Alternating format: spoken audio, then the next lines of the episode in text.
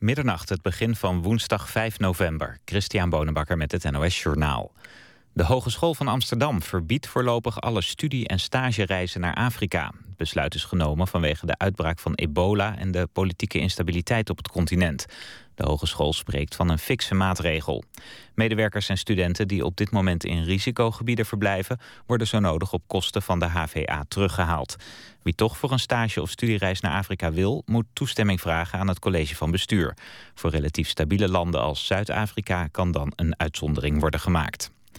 De Nederlandse overheid vraagt Facebook steeds vaker om informatie over Facebook-gebruikers. Volgens de sociale netwerksite heeft de staat in de eerste helft van het jaar de gegevens van 45 gebruikers opgevraagd. En in meer dan de helft van de gevallen gaf Facebook die informatie ook. Het overgrote deel van de verzoeken zou te maken hebben met criminele activiteiten.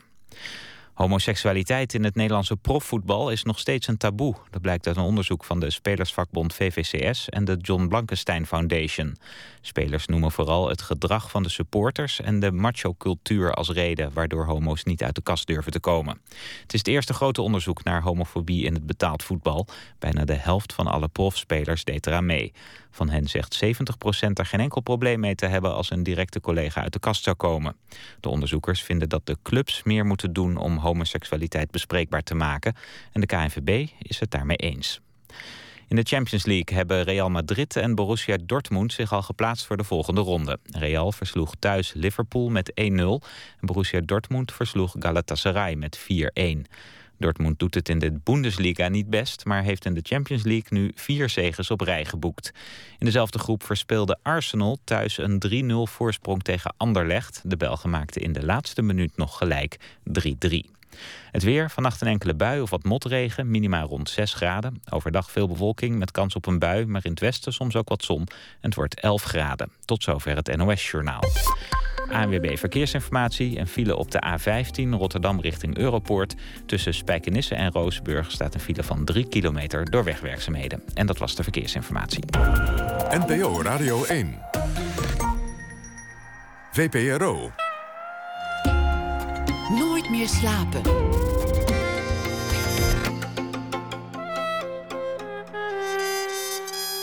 Met Pieter van der Wielen. Goedenacht, welkom bij Nooit meer slapen. De laatste inzichten uit de astrofysica omtoveren tot een kaskraker voor miljoenen publiek. Als iemand dat zou kunnen, is het Christopher Nolan, de man achter onder meer de Batman-trilogie. Hij heeft een nieuwe film uit, Interstellar. Spannend, dat zonder meer. Maar of die claim dat het allemaal wetenschappelijk netjes in elkaar steekt ook waar is, dat vragen we straks aan sterrenkundige Vincent Ike, die de film voor ons is gaan bekijken. Waar elke uitgever momenteel van droomt, 50 tinten grijs. Niet zozeer de inhoud, maar vooral het eh, verkoopsucces van dat boek.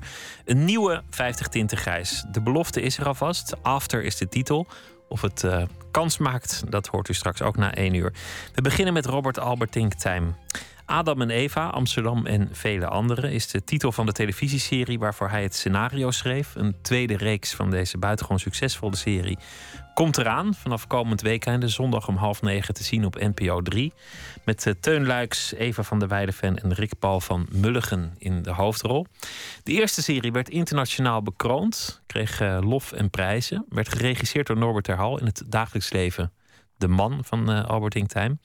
Albert Inktheim zelf werd geboren in 1965 in Bussum, studeerde rechten, specialisatie auteursrecht, kwam al jong in aanraking met de wereld van theater en tv.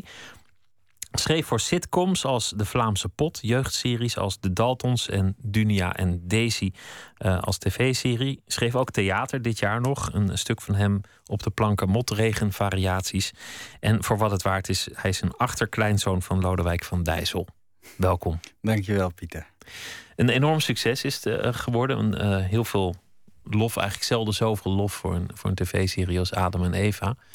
Ja, nou ja. En prijzen. En, uh... Ja, dat is hartstikke leuk. Maar het Nederlands drama doet het echt heel goed op het moment. Dus heel veel. Uh, dus we hebben heel veel lof gekregen. Maar als je kijkt naar andere series die de afgelopen jaren gemaakt zijn, dan zie je dat die ook echt goed scoren. Of Ramses. Uh, die heeft net de, de, de, de, de Prix d'Europa gewonnen in Berlijn. Dat is ook een ja, ongelooflijk prestigieuze prijs. We, doen we doen het echt goed met z'n allen.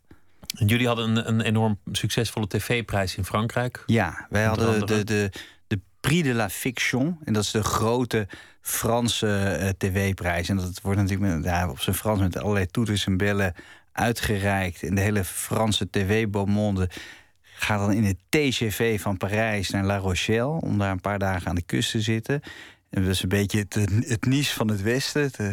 waar het iets, iets koeler en frisser is. En dat is dan, denk ik, voor de televisie... en kan dan voor het... Uh, of ja, het kan van het Westen. Uh, en uh, ja, dat, dat, en daar wonnen wij de prijs van de beste Europese serie. Een hele grote eer. Is dit ook voor jou persoonlijk kan je zeggen dat je nu je erkenning binnen hebt? Of is er eigenlijk een andere droom? Nee, ik heb maar goed, ik, ik, uh, ik, ik, ik, heb mijn erkenning al best wel lang binnen eigenlijk. Ik, hoef helemaal niet te klagen over aandacht en over de, uh, nou ja, dat, dat, dat, dat, dat, mensen mijn werk waarderen. De, en als je dingen maakt, dan is je grote droom eigenlijk dat je gewoon kan blijven maken. Dus je bent vooral altijd bezig met, met je volgende werk in je volgende stuk.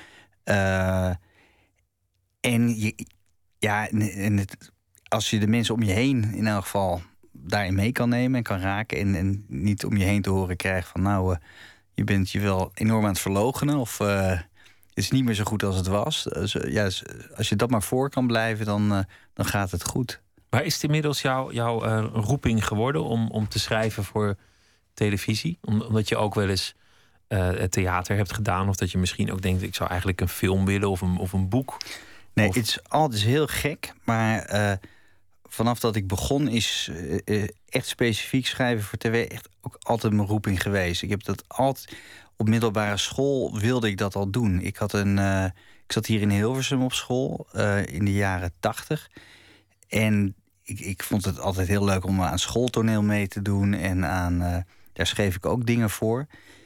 En toen had ik al een schriftje eh, en op de kaft had ik gezet aspiraties. En dan bedacht ik formats voor tv-series. Dus ik bedacht de hele tijd ja, plannen voor, voor, voor een televisieserie. En, uh, uh, en, dus, ja, en ik vind het heel leuk dat ik dat nu ook echt ben gaan doen. Er was iemand uh, bij jou op school die daar heel goed in is geworden, uh, als ik het goed heb. Want, want je zat op school bij John de Mol, toch? nee, dat is ik niet bij op school. Oh. Nee, John de Mol die komt wel uit, ook uit Hilversum. John is ook ietsjes ouder dan ik. En zijn zus Linda zat weer wel op school bij mijn broer. Dus misschien is dat een misverstand. Die zat in de klas bij, bij een broer van me. Oh, ik dacht, dat, ik dacht dat jij daar format zat te bedenken dat iemand anders twee bankjes verder de miljardair van werd. Maar dat, zo zit nee, dat niet. Nee, nee, nee. Linda bedenkt zelf hele goede formats. Uh, waar, ze het, ja, waar ze het ook goed mee doet, geloof ik. Ik vroeg naar erkenning. Um, een van de dingen waar je ook erkenning in moet winnen is als je naar Amsterdam verhuist. Ik moet altijd uitleggen waarom ik niet in Amsterdam woon, net als, als de rest van de wereld. Maar als je in Amsterdam woont, moet je altijd uitleggen waarom je er niet vandaan komt. Ben je inmiddels een echte Amsterdammer? Nee, nee. Ik denk ook niet dat, ik dat, dat je dat snel. Maar, ja, maar goed, dat is ook het fijne van Amsterdam. Er wonen helemaal geen echte Amsterdammers meer. Ik denk dat wij de, enige stad in Nederland zijn die. Weet je, mensen. ik woon vlakbij de Jordaan en ook al 30 jaar. Dus, dus ja, ik vind mag me wel een echte Amsterdammer noemen. Maar. Uh, en eens per jaar is het Jordaan Festival. En dan komen de, de echte Amsterdammers... die al lang niet meer in Amsterdam wonen... maar in Purmerend of in Almere of uh, waar dan ook. En uh, ja, vieren dat ze eigenlijk uit Amsterdam komen. Maar wij, Amsterdam is een stad die... We, we, delen dat met iedereen. Dus, dus op een gegeven moment moesten de Amsterdammers delen met, met ons... met, met, met de importen uit de, de omgeving. En wij delen inmiddels nu met de expatriates en met de toeristen en. Uh, en de dagjesmensen. De dagjesmensen, ja. En de vrijgezellenfeesten. Ik, ik zei de hoofdpersonen uh, uh, zijn Adam en Eva, dat is een, een, een stel. En, maar je, kunt eigenlijk zeggen, als er één hoofdpersoon is, dan één personage belangrijk is, het gewoon de stad. Ja. Amsterdam. Is, is het zo ook begonnen, uit liefde voor die stad? Ja, ja het is. ja, het, het ja, het basisidee was, was, was echt een serie over Amsterdam te schrijven. Maar wel over de bewoners van Amsterdam. Dus, dus in mijn allereerste idee had ik nog geen losse personages. Ik had nog niet Adam en Eva zelf bedacht. En, en, en de figuren waar je nu, uh, ja, die de serie nu dragen. Maar ik had vooral al die bijverhalen bedacht. Ik had vooral bedacht van hoe krijg je al die verschillende werelden bij elkaar die, die je in Amsterdam ziet. Um, en uh, kijk, het is geen serie over de stad, over, over de, de huizen van Amsterdam. Of over hoe mooi de grachten zijn. Of, of over.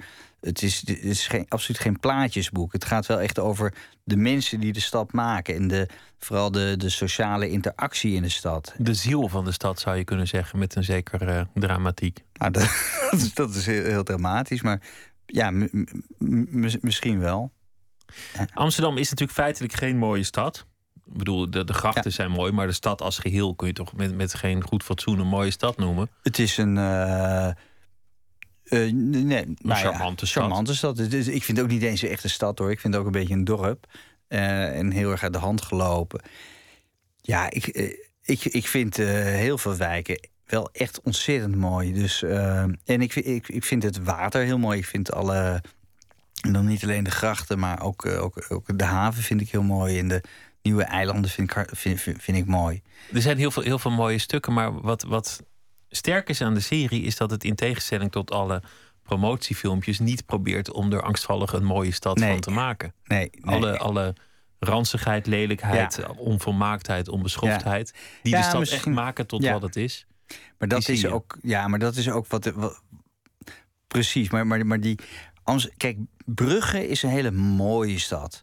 Uh, Venetië, als je de toeristen wegdenkt, is een hele mooie stad. Maar dat zijn geen levende steden. En Amsterdam is een van de weinige steden waarvan ja, zo'n middeleeuws centrum zo bewaard is gebleven.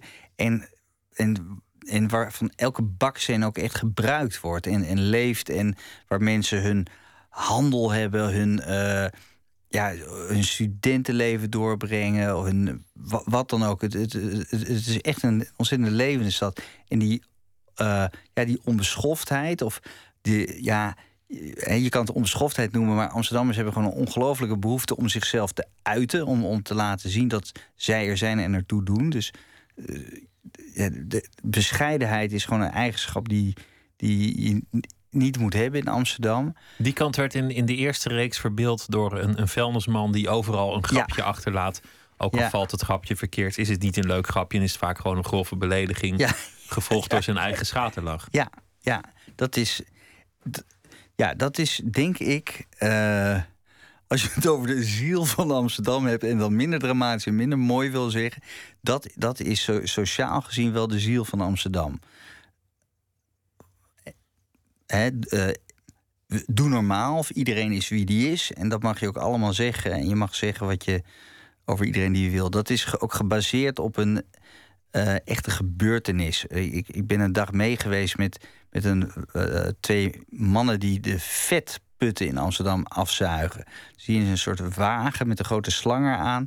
Overal vetputten van restaurants leegzuigen. Dat is ongeveer het vieste werk wat er is. Dat is veel viezer dan een vuilnisman. Dat is het oude putje scheppen. En die, die, die, dat vet, dat stinkt ook heel erg. Zijn allemaal ja, dood dier ruikt dat naar. En hoe heet, is daar een naam voor? Heet je dan vetzuiger of zoiets? Of, uh...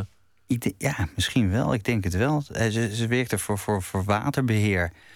Ja, ze zullen wel een soort functieomschrijving en een schaal hebben en alles.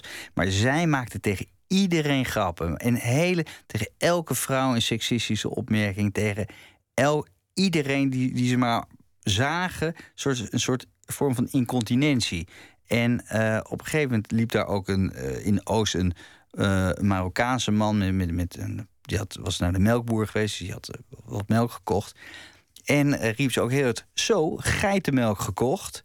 En ik. en die Marokkaanse man zei: van sorry, wat, wat, wat, zei u? Heb je geitenmelk gekocht?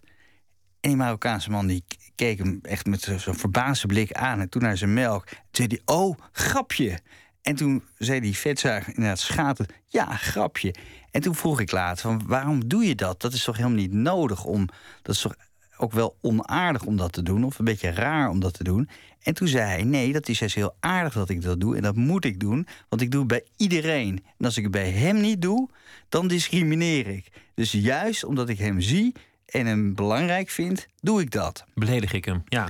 Ja, een belediging. Dus dat vond ik een mooie. De Amsterdamse definitie van, van integratie. Ja. Je bent ook echt op onderzoek gegaan, want, je bent niet zomaar bij die vetzuigers uitgekomen. Je, je bent voor die eerste serie echt in alle hoeken van de stad geweest en met mensen meegelopen. Uh, in, in die eerste serie gaat het eigenlijk elke keer over de anonieme sterfgevallen in de stad. Ja. Eh, mensen die gevonden worden zonder familie of zonder iemand die de uitvaart kan of wil betalen. Ja. Dat, dat gebeurt ook heel veel in die stad. Ben je daar ook echt toen meegelopen Ja. met die dienst? Ja, ik ben eh, een dag of vier meegelopen met. eh, eh, dat is ook een hele bijzondere dienst. Dat, is, dat valt onder werk en inkomen. Het is een kleine, vrij zelfstandige opererende dienst. Ze doen ongeveer 250 uitvaarten per jaar. En ehm, ja, en dat, dat is eigenlijk heel mooi om te zien hoe, hoe ze dat doen. Ook heel Amsterdams, heel praktisch. Heel, aan de ene kant gaan, gaan ze op zoek naar alle de, allerlei dingen die je moet weten van degene die overleden is. Gewoon om dingen af te handelen en te regelen. Dus abonnementen, eh, verzekeringspapieren, bankdingen. Eh, ze proberen ook iets uit te zoeken van wat voor iemand dat was. Of ze daar rekening mee kunnen houden met de uitvaart. Of er nabestaanden zijn. Of ze daar nog.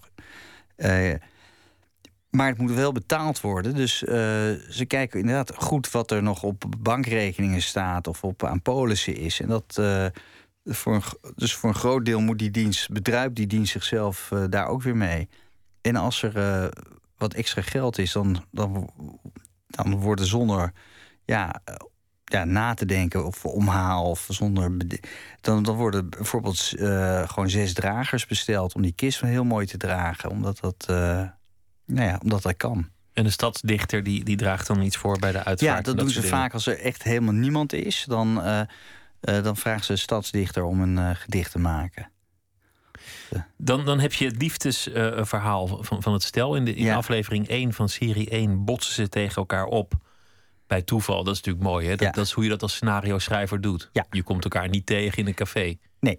Je nee. bebotst en, en eh, er wordt veel papier rondgeslingerd. En, Ja, en de camera draait eromheen. En, en eh, ja, dat is klassiek. En wat doe je dan als je, als je zo'n cliché gebruikt? Dat mag je nooit straffeloos doen. Dus dan, eh, dan laat je ze gewoon nog een keer botsen.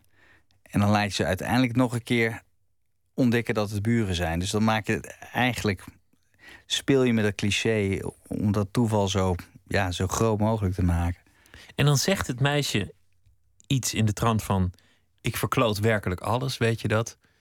En dan zegt de jongen, troostend, dat doen we allemaal. En ik dacht, dat is volgens mij de kern van waar de serie over gaat. Als je het hebt over alle passanten die allemaal een kleine rol spelen. Al die verhalen die bij elkaar komen, kaleidoscopisch in zo'n stad. We verkloten het allemaal. Iedereen Ja. verkloot zijn leven. Ja, ja misschien wel. Nou, wat, ja, eh, wa- ja. En we doen allemaal ons best. Dat is het. Dus we, we zijn allemaal een beetje aan, zoals eh, mijn, mijn, mijn man Norbert noemt dat altijd, we zijn allemaal aan het klunen. En het is een beetje onhandig ons aan het voortbewegen. eh. en, eh, maar we doen wel allemaal ons best. In de, de tweede reeks hebben ze het pas echt. eh, nee, nee, dat is, dat is flauw. Maar hebben ze, hebben ze zich wat op de hals gehaald.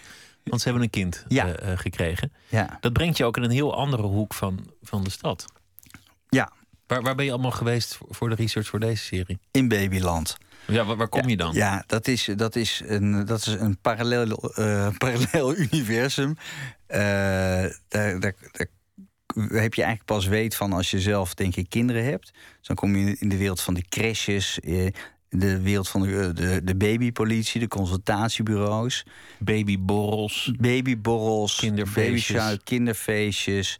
eh, eh, eh, eh, voetbalvaders, eh, school, tien minuten gesprekjes. eh, ja, dat, dat is gewoon een hele wereld eh, ja, van, van, van krukjes van, van 20 centimeter hoog. En eh De horror en, en de charme ze worden allebei goed in beeld gebracht. dankjewel. Ja, is, En, eh, en dan is het aan iedereen zelf natuurlijk om, om te zien wat je er meer uitpikt. Nou ja, ook daarin laten we eigenlijk zien dat het. ja, als je het hebt over het, het leven en dat, dat iets leeft. een- dat kan je eigenlijk niet beter uitdrukken dan met een baby. Want dat, dat, dat is nieuw leven in zo'n ongelooflijke pure vorm. En dat dwingt zo ongelooflijk af dat je al je. eh, alles wat je geleerd hebt over al- als je, nou ja, fatsoen of normen of weet ik wat, al je beschermingsschilden, alles waar, waar je je een beetje mee ophoudt, dat je dat moet laten vallen en, en je alleen maar bezig kan zijn dat, dat het goed gaat met, met, met, met zo'n kind. En dat is dramatisch gezien ook weer heel interessant. Dat, uh, Om proberen jezelf te, be te bewaren in, in, uh, in die storm ja, van je, geweld. Je, je kan sowieso echt je karakters ook afpellen. Je, je, je, je, je daagt ze enorm uit. En dat is eigenlijk. Kijk, dit, dit, is een dramaserie. Dus hè, dat zie je dat met personages gebeuren. Maar als ik kijk naar al mijn vrienden die kinderen hebben gekregen. Uh, die eerste jaren met, met, met, die hele kleine kinderen. Ja, die, daar heb ik uh, ontzettende bewondering voor hoe ze dat gedaan hebben. En hoe relaties op de proef zijn gesteld. En hoe, dat, hoe mensen dat toch met elkaar gered hebben. En, Blijven ze in de stad? Uh, ja, dat is een beetje een. Ja, is dat een spoiler als ik daar, daar meteen iets van zeg? Nou ja, heel, ja. dat is natuurlijk iets in Amsterdam dat Eiburg lonkt zodra er kinderen komen. Ja, ja. Uh, nou, dat, het, uh, nou, dat is inderdaad heel lastig voor ze. Een ander iets is dat de bevriende um, homoseksuele vriend... die krijgt uiteindelijk ook één dag de voogdij over, ja. het, over het kind. Jij hebt zelf in het eigen leven ook voogdij over een kind. Ja, geen, geen formele voogdij, maar echt net zoals als, uh, uh, Harm-Jan eigenlijk... Uh, zijn Norbert en ik ook gevraagd of, of we één dag per week uh, voor ons petekind wilden uh, zorgen. En dat, dat, dat is ontzettend leuk. Dat is heel. Uh, dus dat is eigenlijk autobiografisch. Dat is ontzettend autobiografisch. Maar alles, die serie, dat, is, dat druipt van autobiografische elementen. En ja, niet alleen van onszelf, maar ook van vrienden van ons en mensen om ons heen. Allemaal verhalen. Ja. We gaan luisteren naar muziek, want het speelt ook altijd een rol in, in de serie. Uh, de band Coldplay bracht een nummer uit met de titel Amsterdam. Het gaat verder helemaal niet over de stad, maar het blijkt dat uh, Chris Martin het schreef toen hij in Amsterdam was. Hier is Coldplay met Amsterdam.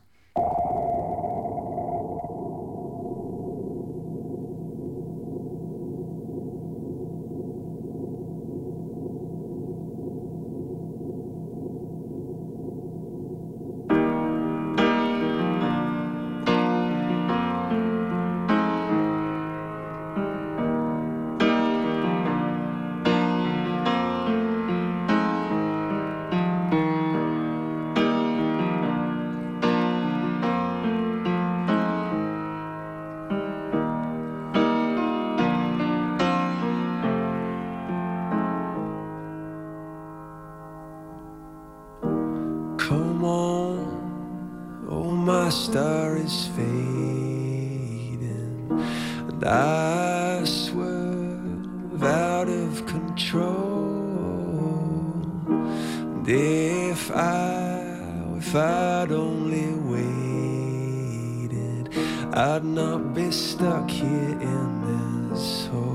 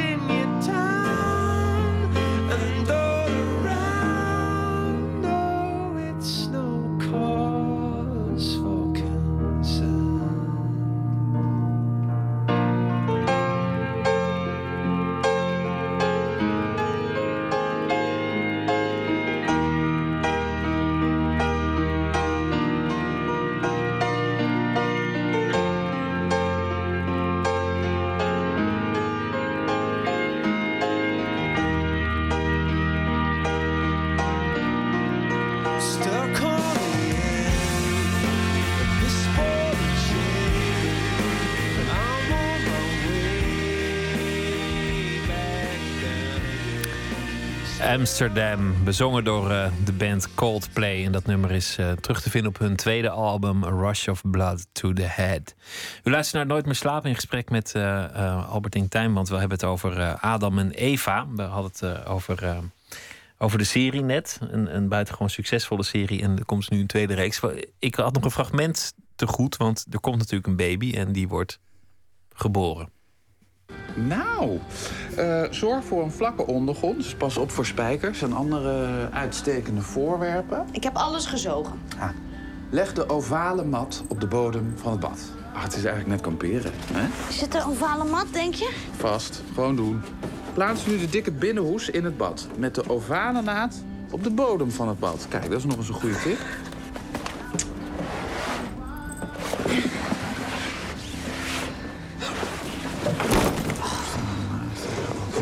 Zitje plaatsen.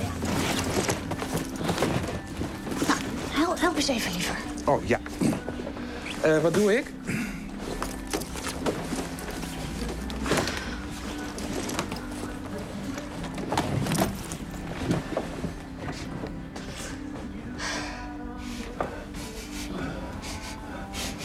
Wat is er? Ja, is dit wel fris, denk je?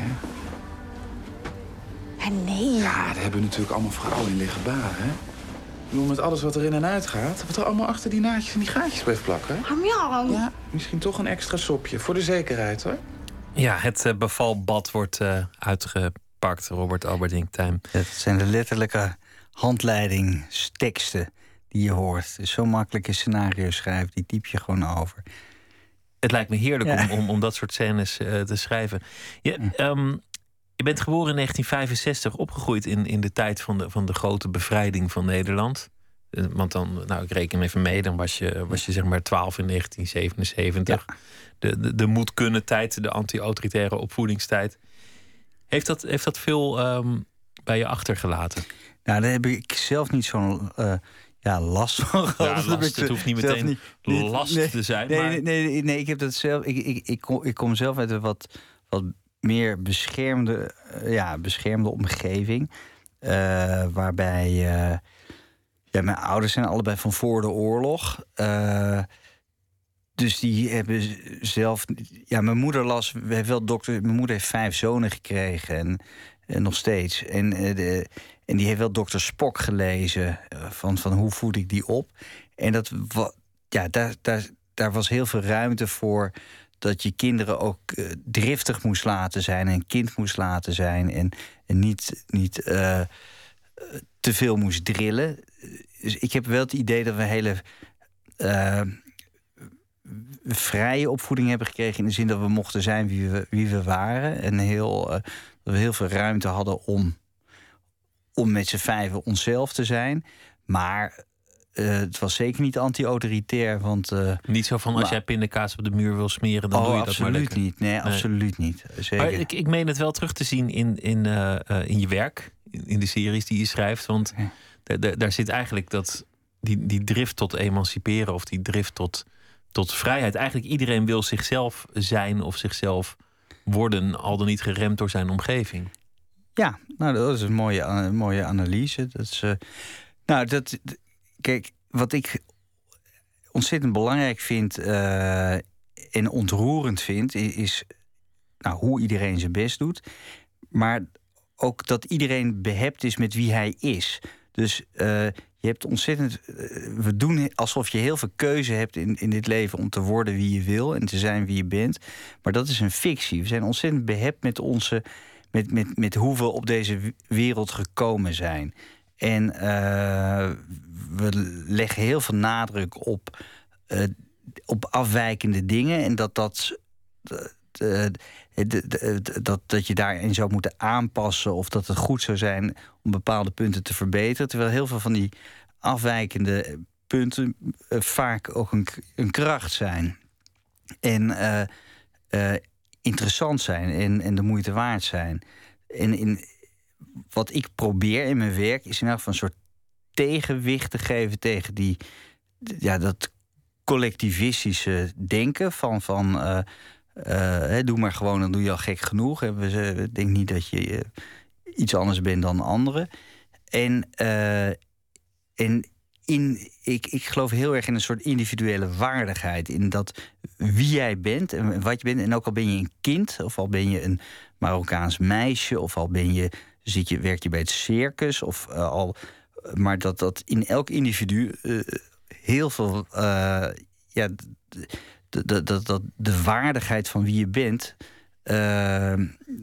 ja, onaantastbaar moet zijn. Dus dat, ja, dat probeer ik wel uit te dagen. En dat maakt natuurlijk ook meteen een, voor een scenario een mooie worsteling voor ieder personage. Ja, want daar zit ook wat je dan doet. Je, je, je, je kan een personage in al zijn facetten laten zien. Dus je, kan een person je hoeft niet een personage mooier te maken of lelijker te maken dan hij is. Je, je kan een personage in zijn volle rijkdom laten zien. En daarmee, eh, ja, dat levert eigenlijk al genoeg conflict op. Dat levert genoeg op om, om daar in het dagelijks leven eh, je verhalen over te vertellen. De serie Daltons die je maakte voor de VPRO-televisie was dat. Er zijn, er eh, twee reeksen van geweest met een enorme tijd ertussen. Was dat niet gewoon gebaseerd op, op je eigen leven, op je, op je eigen broers? Ja, de situatie wel. Ja, de verhalen niet allemaal, of veel niet. Eh, maar de situatie van, van het opgroeien in een gezin met alleen maar jongens.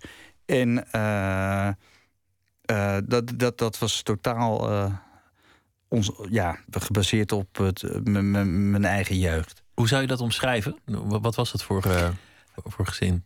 Eh, heel warm. En, en als mijn, mijn, ik ben de vierde zoon. En mijn drie oudere broers en ik schelen allemaal ongeveer net een jaar. Dus we zijn een soort trosje van vier. En na, toen ik zes was, toen werd mijn jongste broer geboren. En dus we waren een soort trosje jongetjes met nog een klein hummeltje dat daar een beetje achteraan meedeed en, en, en- en bungelde. En ik had een hele comfortabele positie als, als jongste van dat trosje. Want ik kon. Ja, ik, ik heb het idee dat ik. eh, Ja, jaren in de slipstream van, van die grotere broers. Alle strijd was al gestreden. Ja, De, ja. de paden die waren al waren geëffend. al wel geëffend. En eh, waar ik me aan kon onttrekken, ontrok ik me aan. En wa- wat ik leuk vond, deed ik mee. En eh er was natuurlijk. eh, f- ja, ja, eh, met je broertjes, eh, je hebt heel veel plezier, maar je hebt ook ontzettend veel ruzie. En, eh, en ik vond het fascinerend om dat allemaal te volgen. Dus ik, ik luisterde altijd. Als mijn, mijn broers met elkaar overhoop lagen, dan gingen mijn oren op steeltjes. En dan wilde ik precies weten wie welke argumenten gebruikte en wie, ja, hoe de machtsverhoudingen lagen. En, eh, en ik denk dat dat nu voor wat ik nu doe heel nuttig is. Ik, ik was ook best wel goed om, om later gesprekken te, repro- te, te reproduceren wie wat op welk moment gezegd had. En al die lagen die erin zaten van, van een, een enorme genegenheid en tegelijk een enorme concurrentie en vijandschap. Ja, ja. ja je bent eh, elkaars eh, meetlat. Dus je, je, je komt uit hetzelfde nest en je hebt dezelfde omstandigheden en dezelfde ouders. En dus je, je, je, je knokt een beetje voor aandacht en voor eh, affectie. En je meet jezelf, je, je, je prestaties en alles wat je doet heel erg aan elkaar. Was jij dan een buitenstaander die, die een bewijs van spreken met een notitieblokje de, ru- de ruzies van de andere broers volgt? Of? Eh, Ja, ik deed zelf ook wel mee. Gewoon mee matten. Ja, en matten of ja, ja, of eh, ja, ja. Nee, ik, nee, het was helemaal, ik was, ik was niet, eh, helemaal geen heilige. Maar ehm, eh, ja, ik, ik, ik, ik, ik vond het wel prettig om dat te observeren. Dat, eh, Die, die ehm, fascinatie voor, voor, het, voor de zelfverwezenlijking. Heb je enig idee waar dat vandaan komt? heb je, dat zelf van de hand gehad? Ja, nou ja, de, de- laat zeggen. Ik, eh, ik was nooit een jongetje dat ontzettend sportief was. Of, of in een aantal dingen wa- wa- wa- was ik niet een, een jongen die de gebruikelijke jongensdingen leuk vond. Ik had al vrij vroeg door dat ik ook niet op meisjes viel. En dat dat wel. eh, eh, ik, ik wist nog in die tijd eh, wist ik nog niet of dat wel of geen probleem was. Maar ik wist wel dat dat anders was. En, en ik heb daar. eh, eh, ja, dat vind ik ook zo leuk van, van die programma's nu. Van, of, eh, mooi ook hoor. Van de, van de programma's van de KRO. eh, dat uit de kastprogramma. Dat je ziet eigenlijk als puntje bij paaltje komt. dat de hele omgeving het allemaal prima vindt. Maar dat het grote proces zich afspeelt in, in zo'n jongen of meisje. om mezelf te accepteren dat. eh, Precies wat jij net zei: van je bent zo bezig met het, met het anders zijn en het onderdrukken van het anders zijn, dat je niet toekomt aan een wezenlijker vraag. Precies, ja. En dat. eh, dus dat, dat. Dus laat zeggen, dat, dat heeft mij zeker gekleurd. Maar eh, ik zie dat ook wat, bre- ik zie dat wat breder dan alleen maar seksualiteit. Ik, ik, zie, ik zie dat ook in, in statusdingen. Of ik kom uit de omgeving waar status heel belangrijk was. En eh, waar ik me ook al best wel vroeg afvroeg eh, of, of, of al die toeters en bellen niet eerder mensen in de weg stond om, eh, om gelukkig te zijn en eh, zichzelf te zijn of een beetje een aardig leven te hebben. Want het was een chique familie ook. Nou ja, de, mijn familie valt wel mee hoor. Dat, dat was. eh, was dat dat nee, was niet, niet een, een hele super welvarende of super nette familie. Maar de, de, de omgeving in het, go- het gooi waar, waar ik opgroeide, dat, dat was wel eh, ja, behoorlijk gericht op. ehm, ja, wie, wie er wel en wie, wie er niet bij hoorde. Weet je nog het moment dat je uit de kast kwam? Want, aan een scenario schrijver, als je dat vraagt, dan verwacht ik ook dat het een, een mooie scène was en een mooi moment. Ja, nee, nee ja, dat is. eh, ja, dat weet, dat weet ik nog. Nee, maar ik, dat, dat, dat heb ik. Ik denk dat ik dat ook een beetje met, in stapjes heb gedaan. In het begin, toen ik ging studeren, was ik voor al mijn studievrienden was ik met, meteen uit de kast eh, gekomen. En voor mijn. eh, eh, ja, mijn ene broer wat eerder dan de andere. En na, na, na een jaar heb ik ook thuis aan mijn ouders verteld. En hoe gaat het? Is dat terloops of, of met veel bombardie? Hier is Robert? Of, eh, Nee, dat is, dat is uitermate. Je moet je voorstellen dat. dat, dat ik, ik, ik weet niet, ben, ben jij homoseksueel of heteroseksueel? Heteroseksueel. Ja, en heb je dat ooit moeten zeggen, behalve nu? In de kast moeten komen, Nee, nee, nee. Heb je dit ooit aan iemand moeten vertellen van papa of mam, ik ben heteroseksueel? Nee, nee, dat, Nee. dat gaat dan eigenlijk vanzelf. Ja, precies. Ja. Dus, dus, dat, eh, dus dat je dat moet doen, is een hele rare, onnatuurlijke situatie. Ja, lijkt me. En eh, dus er is geen moment die, die, die daar geschikt voor is. Dus je kan je wel voornemen om het te vertellen, maar op het moment dat je het wil vertellen, dan, dan gaat het over hele andere dingen. Dus, eh, of, of ja, nou ja, het, het, is een eh, zo'n ontzettende bespottelijke boodschap. Dat, eh, en je hebt wel het gevoel dat je dat echt moet zeggen. Dat ik weet dat ik. Dat ik eh, thuis was en, de, en, de, en een beetje tegenaan hikte. En daar.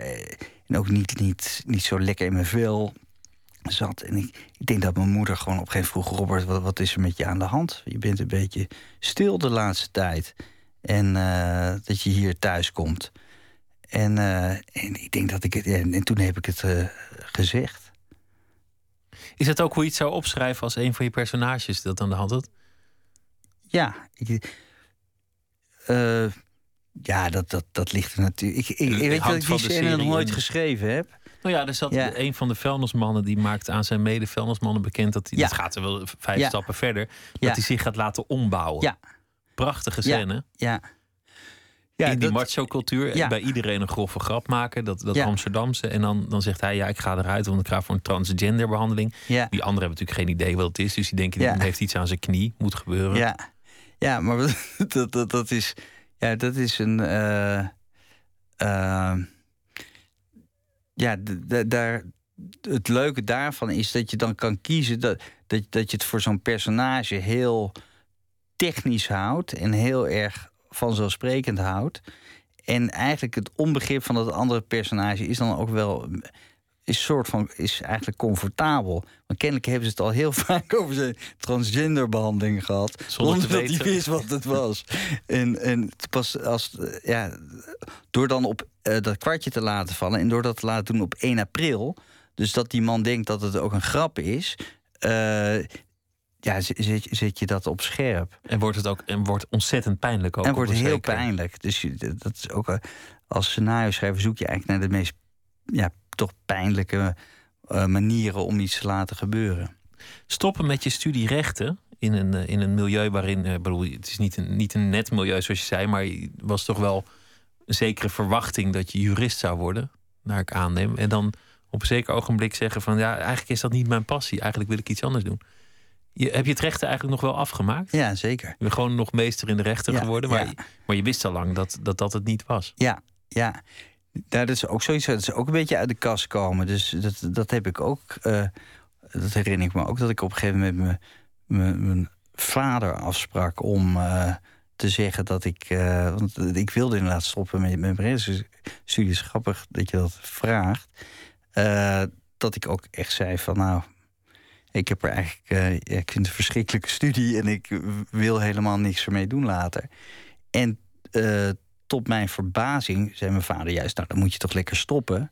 Of van mij hoef je het helemaal niet af te maken. En als je wilt, zoek je gewoon een baan of je gaat iets doen wat je, je kijken wat je allemaal wel kan doen. En er was geen enkele druk. En eigenlijk doordat die druk wegviel, was het voor mij weer veel makkelijker om het toch af te maken.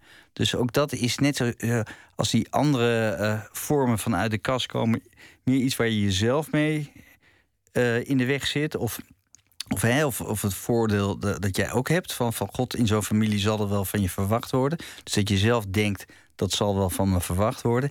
En dat is, ja, dat, dat was helemaal niet zo. En dan wel afgestudeerd in auteursrecht, iets waar je de laatste tijd heel veel mee bezig bent. Ja.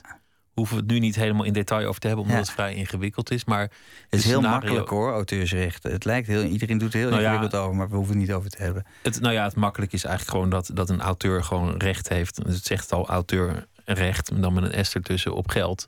En dat een hoop mensen dat niet willen betalen. Ja, precies. Ja. Laten we gaan luisteren naar eh, eh, muziek. We hadden het eh, nummer Amsterdam, dus dan gaan we ook iets doen met eh, Eva. Bezongen door eh, Angelique Kidjo.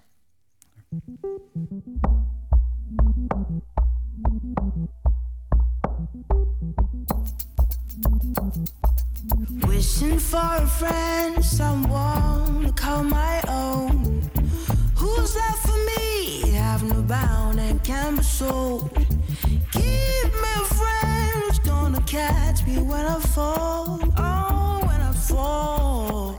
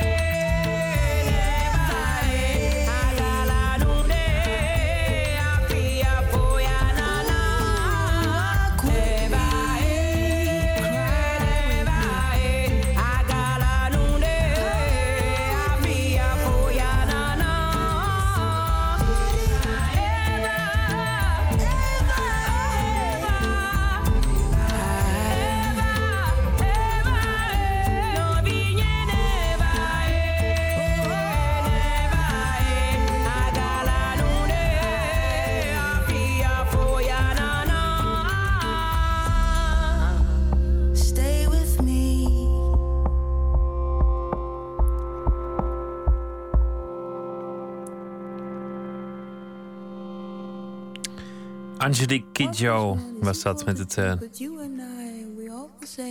met het nummer uh, Eva. En uh, zij komt uit Benin. In gesprek met Robert Albert Dinktijm... naar aanleiding van de serie Amsterdam en vele andere... die vanaf komend weekende te zien is. De regie wordt gedaan door, door jouw echtgenoot. Jullie werken heel lang samen al. Jullie hebben heel veel projecten samen gedaan. Maar ook een tijd gezegd... nu moeten we even gewoon niet meer samenwerken. Laten we het, laten we het een poosje niet doen... Ja. Wat gebeurde er intussen en wat is er weer opgelost? Nou, toen, toen we begonnen, we, uh, waren we allebei uh, nou, vrij jong, allebei halverwege de twintig. En toen hebben we die eerste jaar echt heel intensief alles met, met z'n tweeën gedaan. Maar dat zijn ook de jaren waarin je jezelf moet uh, ja, ontdekken wat je kan en, en, en, en moet ontwikkelen.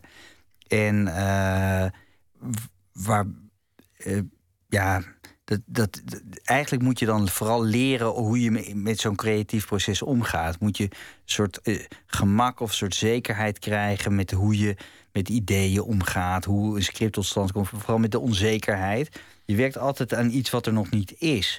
En je moet zelf aan de ene kant nog niet willen weten wat wat het wordt, want het moet verrassend blijven. Aan de andere kant moet je wel uh, de zekerheid hebben dat je je scène krijgt. Of dat je, dat je iets gaat schrijven. Dus je zit altijd als. Ik denk dat iedereen die iets maakt, of je nou componist of schilder of dit bent, die spagaat goed kent. Die, dat omgaan met die, met die onzekerheid. En uh, ik denk dat het. Uh, zeker die eerste jaren voor ons allebei een beetje belastend was. Omdat je als schrijver en regisseur zo afhankelijk van elkaar bent. Uh, dat heeft ontzettend leuke dingen gemaakt. Maar op een gegeven moment vonden we ook allebei het belangrijk om onszelf los van elkaar te ontwikkelen. Ja, ook, ook omdat je geen snip en snap wil worden. Omdat je, ja, je, je, je eigen stempel, je wil je eigen, stempel drukken. Dus toen uh, uh, ja, heeft, heeft, heeft Norbert ook uh, zich als regisseur ontwikkeld met, met, met, scripts van anderen. En ik heb weer met veel andere regisseurs gewerkt. En en dat, ja, dat is ontzettend leuk. En, en, toen, en toen op een gegeven moment daarna, dan heb je zoveel meer zelfvertrouwen. Uh, toen was er een project, dat was eigenlijk met Waltz over de, over de circusfamilie. Dat, dat was het eerste waar we weer samen gingen werken. En ik vroeg me ook van tevoren wel af, ik was een beetje huiverig van, van of dat, uh, nou, hoe dat zou zijn. Of we dan niet de hele dag alleen maar over zo'n project zouden praten het was ontzettend leuk. We spraken de hele dag alleen maar over dat project, maar het was ontzettend leuk. En het was, eh, het was heel leuk om te maken. En toen hebben we daarna ook. Uh, Adam Eva heb ik ook echt heel erg geschreven op hoe Norbert regisseert. En, uh, Want hoe is dat anders dan, dan wanneer je uh, voor toneel schrijft? Hè? Dat, dat heb je ook gedaan. Ja.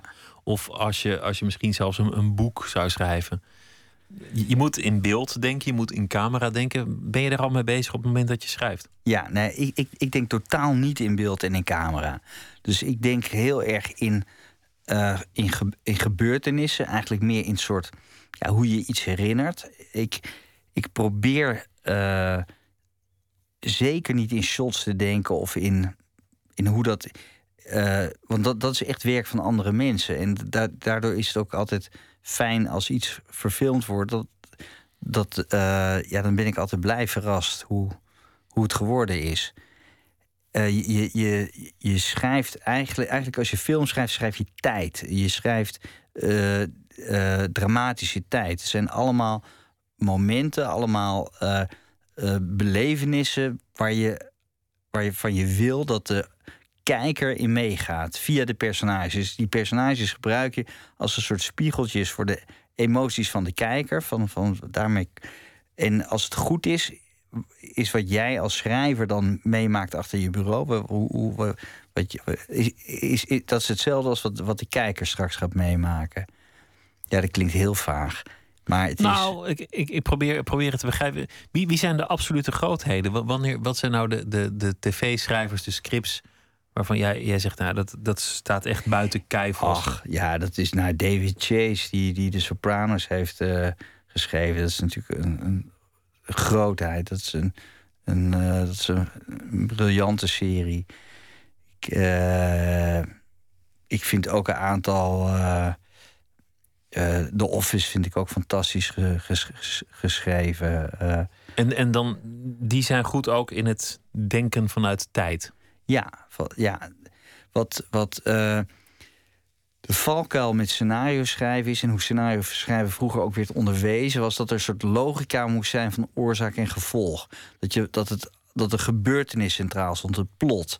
Dat, dat, dat er een soort logica moest... dit gebeurde en daardoor zette zich dat in ontwikkeling... en daardoor eh, ontdekt die dat en daardoor eh, komt die achter dit en die laat zijn voetspoor achter en dat wordt gezien door die en dan dus, dus heel erg in een soort eh, reeks, een soort domino-effect van, van gebeurtenissen, waardoor plots, waardoor je als schrijver je alleen maar focust op, op je plot.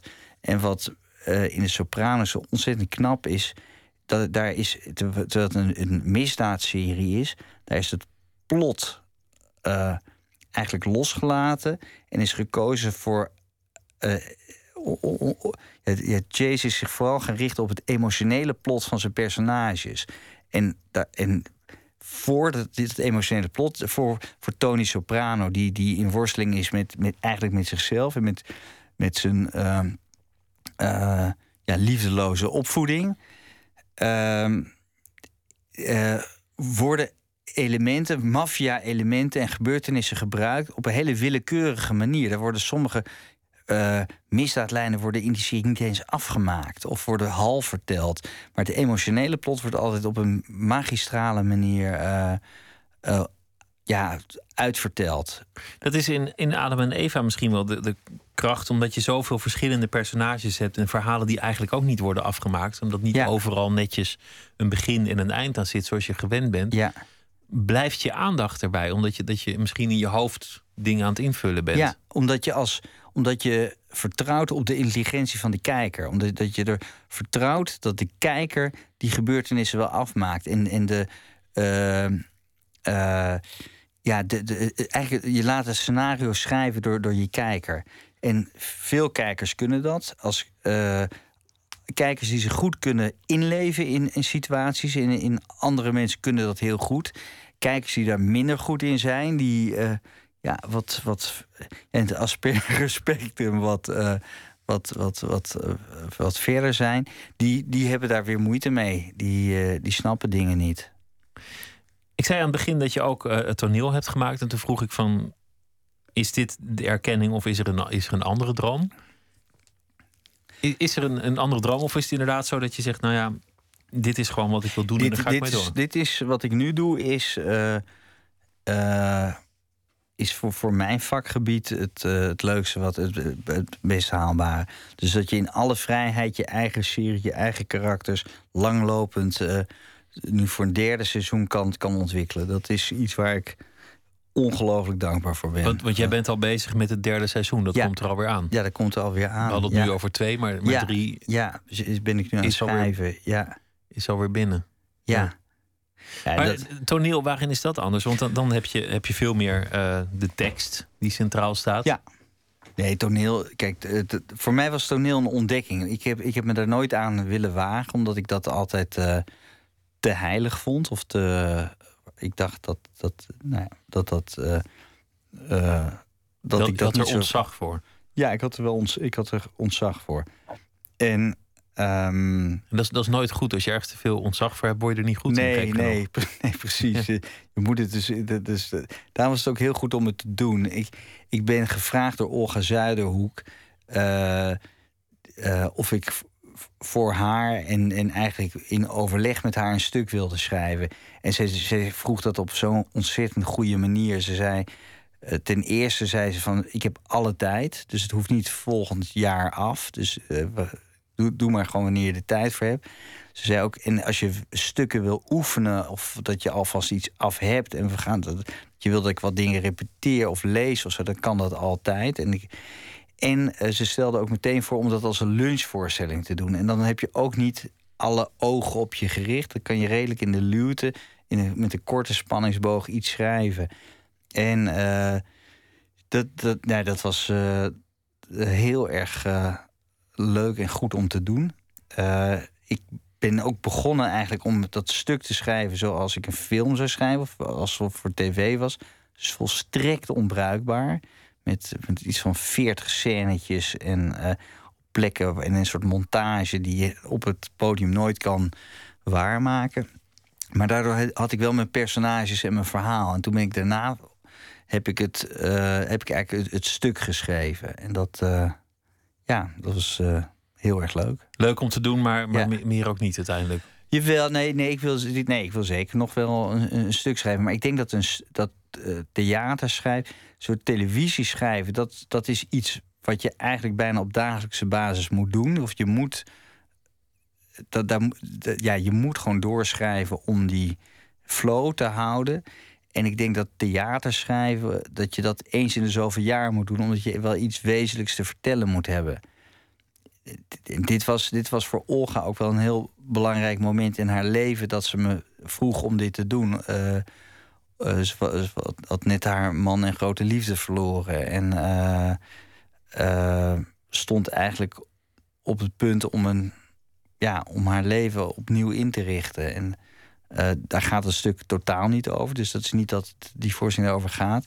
Maar dat was voor mij wel een, een bijzondere aanleiding. Een, hele persoonlijke, intieme aanleiding om, om een samenwerking aan te gaan. Dat is natuurlijk nog de volgende fase. Dan heb je jezelf gevonden en, en jezelf geëmancipeerd. En dan moet je opnieuw jezelf uitvinden. Dan moet en je opnieuw beginnen. ja, ja, ja. ja. Die, ehm, die derde serie, want als er één rode draad is in de geschiedenis van Amsterdam, is dat de Amsterdammers zeggen dat het vroeger leuker was. En dat de stad verloedert en naar de galamiezen gaat. Ja. Hoe, hoe ontkom je daaraan als je drie reeksen van de serie maakt om, om niet het beeld te laten bestaan dat, dat de stad eigenlijk niet meer zo leuk is?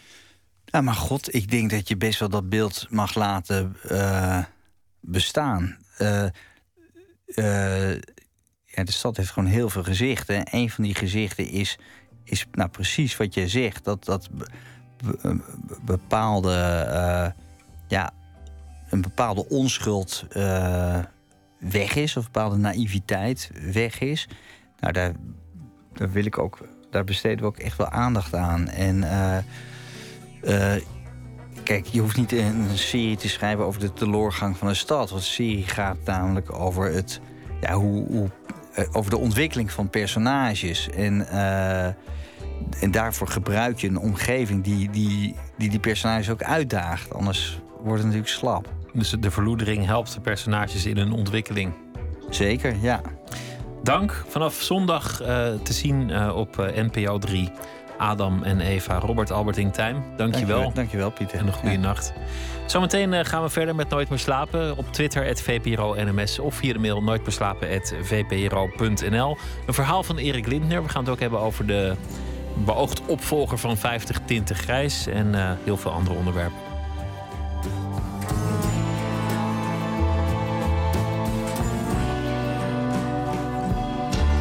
Op Radio 1. Het nieuws van alle kanten.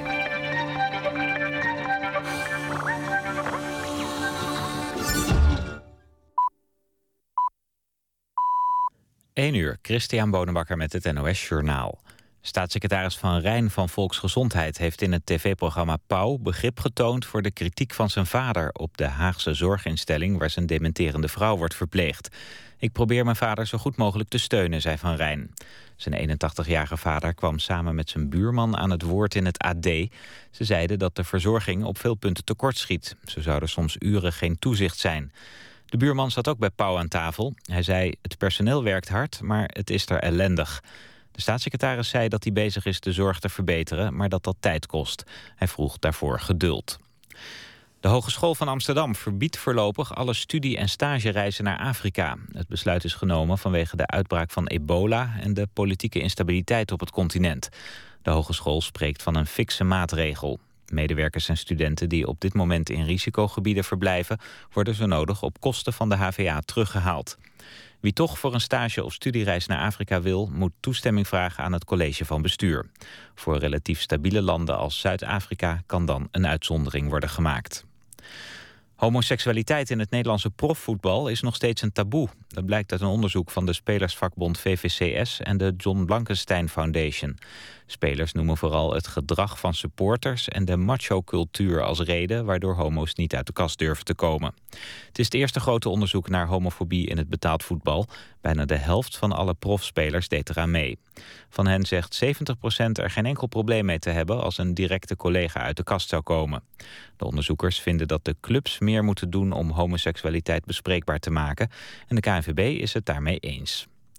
Het weer, vannacht nevelig met op veel plaatsen mist, minimaal rond 6 graden. Overdag veel bewolking met lokale bui, maar ook af en toe wat zon. Het wordt 11 graden. Donderdag meer zon en vrijdag weer meer kans op regen. Tot zover het NOS-journaal. ANWB Verkeersinformatie. Een file op de A15 Rotterdam richting Europoort. Tussen Spijkenisse en Rozenburg staat een file van 3 kilometer. En dat komt door wegwerkzaamheden. En dat was de verkeersinformatie. NPO Radio 1. VPRO. Meer slapen.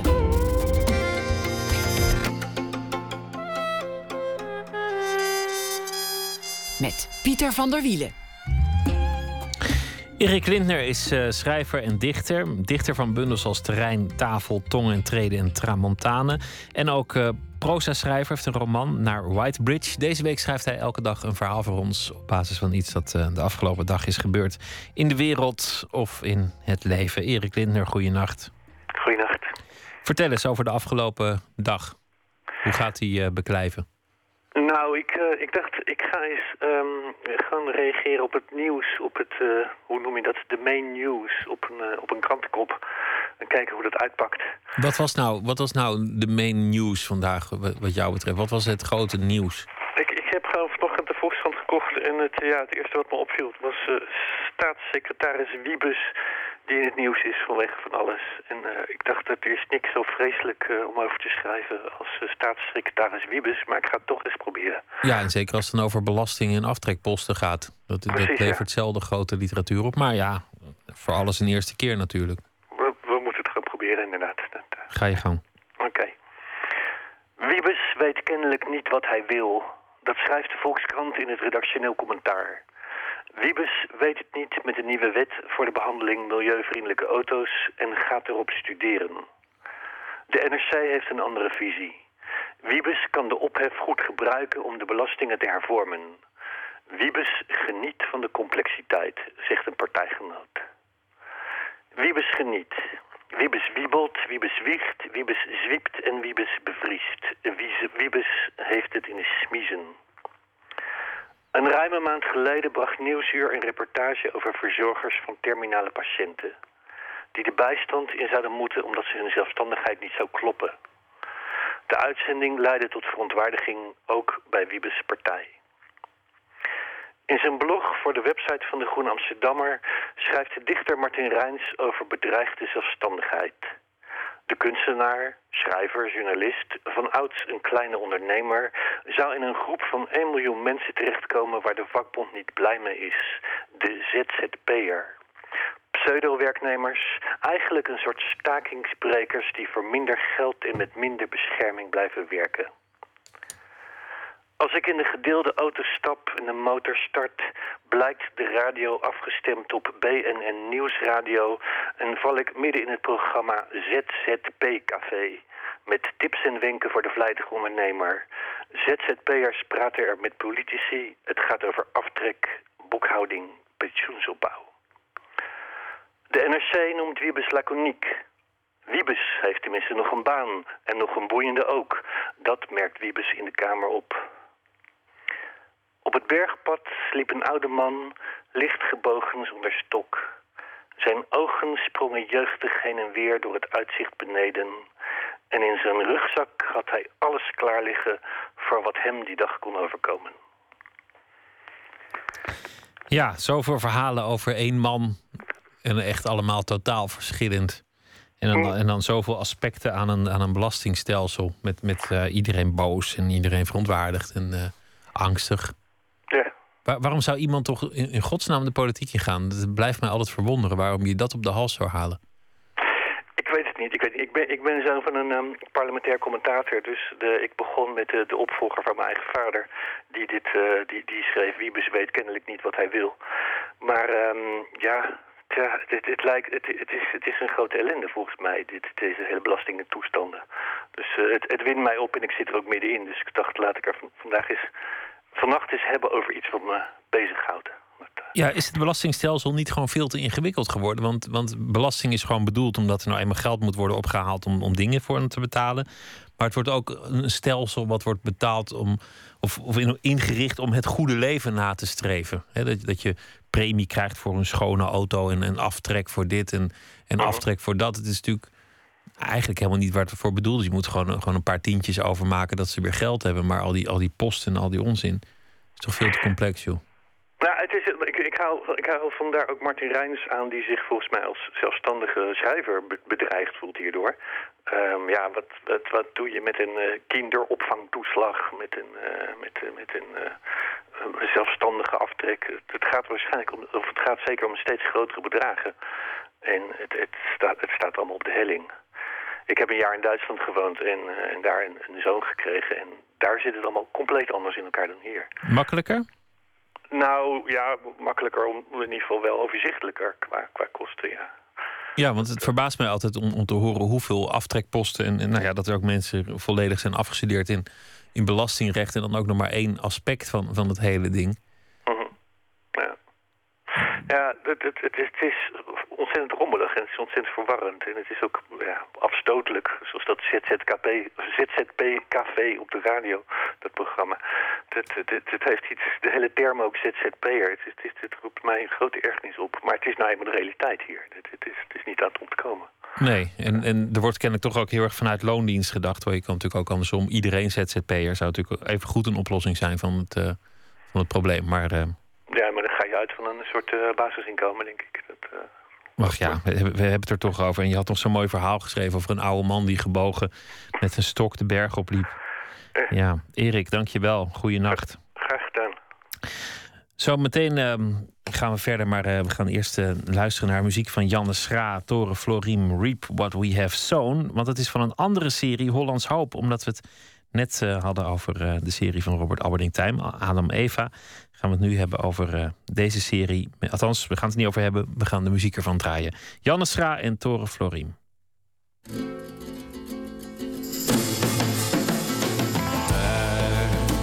the ground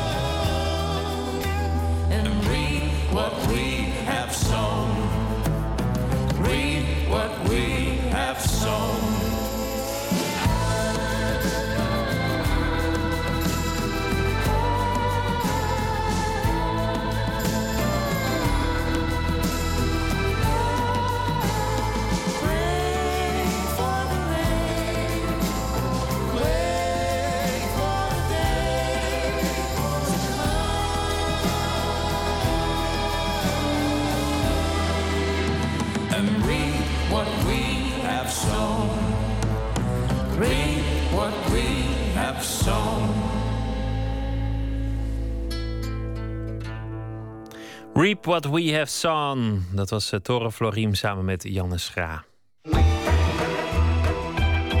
Nooit meer slapen. De eerste verleiderscomedie, de Casanova's van de vastgoedfraude, was een hit. Het sloeg in als een bom, loven de recensies, volle zalen, 16 extra voorstellingen in Carré. Prijzen, waaronder de Louis d'Or voor uh, acteur Pierre Bokma. En daarna volgde het succes met deel 2 over de Ahold boekhoudfraude. Komend weekend is de première van het derde stuk in de reeks Verleiders. De titel is door de bank genomen. George van Houts, Leopold Witte, Pierre Bokma, Tom de Ket en Victor Leu gaan deze keer los op de bankensector. Verslaggever Nicole Terborg spreekt de cast bij een try-out in Zeist. Tom de Ket, Jos van Houts, Victor Leus, Leopold Witte. Ik ben Pierre Bokma en wat gaan we doen? We nemen u mee naar de wonderenwereld van het geld, de Ja. banken. We zijn allemaal haantjes en grote ego's. Maar het is geweldig om met zo'n ploeg mannen in een bus, een, een luxe bus... met videoschermen en ijskastjes en goede flessen wijn... door het land te trekken en iets heel belangwekkends te brengen met z'n allen. Eén keer in de zoveel tijd kom je dat tegen. Dat je in een groep terechtkomt en denk ik van ja, dit, dit is thuiskomen. Dit is waarom we het doen. Die vijf mannen zijn allemaal gevormd. En ja, je zal wel overeenkomsten kunnen vinden. Maar op een bepaalde manier lijkt, eh, lijken ze niet op elkaar. Ze zijn, allemaal, ze zijn allemaal heel erg wie ze zijn. We houden elkaar ook allemaal ongelooflijk scherp. En eh, we zijn echt een, een een bandje. Pierre Bokma, van eh, de vier andere acteurs hoor ik eh, dat het een soort bandgevoel is om in de verleiders te staan. Hè? Eh, de tweede keer met deze cast. Deel je dat gevoel? Helemaal. Helemaal. Ik vind het ook een geweldige omschrijving. Omdat het, eh, ja, bijna zou ik zeggen, de verschillende stemmen die we hebben... de verschillende figuren die we zijn... dat heeft toch wel iets muzisch, vind ik. En eh, ook iets eh, ritmisch. Het eerste beeld op het toneel is dat van de staalmeesters. Het schilderij van Rembrandt. De heren uit de 17e eeuw veranderen langzaam in vijf mannen van nu. Financiële bazen gekleed in donkerblauwe maatpakken. De voorstelling is een mix van toneel, stand-up comedy, muziek, fictie en werkelijkheid. Eh, Oké, wacht even. Nu even persoonlijk. Eh, ja. het wordt een beetje precair. Eh, wie van jullie betalen. en wie van ons, wij doen mee, hebben er op dit moment schulden? Ik bedoel hypotheekschuld? Jos van Houts is naast een van de acteurs ook de tekstschrijver van het stuk. Op een verder kaal toneel met alleen vijf bureaustoelen en twee tafels en een projectiescherm... geven wij in wezen een college. Voor mensen die het verschijnsel kennen, zijn, is het eigenlijk één grote TED-lezing... eh, waarin wij in, in, in vijf verhalen de mensen uit de doeken doen... hoe het financiële systeem echt werkt. Goed, nou, we zitten hier nu met z'n allen heel vrolijk bij elkaar. Maar beseffen wij wel dat we al eh, zes jaar in een financiële crisis zitten? Ja. Hè? eh, mede veroorzaakt Nou, nou, door... nou, ho, ho, ho, mede, Nou ja, inderdaad, voor 100% veroorzaakt door Juist. onze banken. En wij hebben met onze belastinggeld die banken gered. 100 miljard. Maar zijn de banken nu een beetje dankbaar? Zijn ze deemoedig geworden? Hebben ze het boetekleed aan? Wij willen theater maken met de verleiders over de boardrooms, de bestuurskamers. Wij denken dat in de bestuurskamers van de grote bedrijven, de multinationals, dat daar de beslissingen worden genomen die invloed hebben op ons leven. In plaats van dat die beslissingen worden genomen door de politiek. Dus men wil ons doen geloven dat er een democratie is en dat we eh, invloed hebben door ons eh, stemrecht. Maar dat is helemaal niet zo, want de wereld wordt uiteindelijk bestuurd door een kleine groep van 0,1% van de rijksten op deze wereld. De aandeelhouders van de grootbanken. Waar komt het bij jou vandaan dat je, ja, dat je wat bewustwording wil creëren? Waar komt het vandaan? Ik ben zelf in alle valkuilen getrapt. Ik heb een te hoge hypotheek, een beleggingshypotheek, woekerpolissen. Eh, ik heb op veel te grote voet geleefd. Want de bank zei, ja, dat kan makkelijk. Doet u maar, meneer Van Hout. Dus door mijn eigen gekte, hebzucht, eh onnozelheid... moet ik nu op de blaren zitten. En van daaruit komt de fascinatie dat ik denk... waarom ben ik als intellectueel, als weldenkend opgevoed mens... daar allemaal ingetuind? Hoe anders kijk ik nou aan tegen de microkredieten die onze koningin Maxima tot haar goede doelen rekent? Het helpt gewoon de rijken de armen te laten wennen aan een leven in schuldhoordigheid. Sommige van die kredieten zijn zelfs, hebben zelfs jaarrentes van 100% En sommige mensen worden ook boos, hoor. Eh, Er zijn ook mensen, vooral die bij een banken werken... die vliegen ons aan. Die zeggen, dit is helemaal niet waar, dit is belachelijk. Eh, Bij de try-out eh, gisteren is er zelfs een bankier met de ambulance afgevoerd. Echt waar? Ja, die, die trok het niet meer. Wat gebeurde er? Weten we niet, maar hij werd eh, onwel tijdens de voorstelling.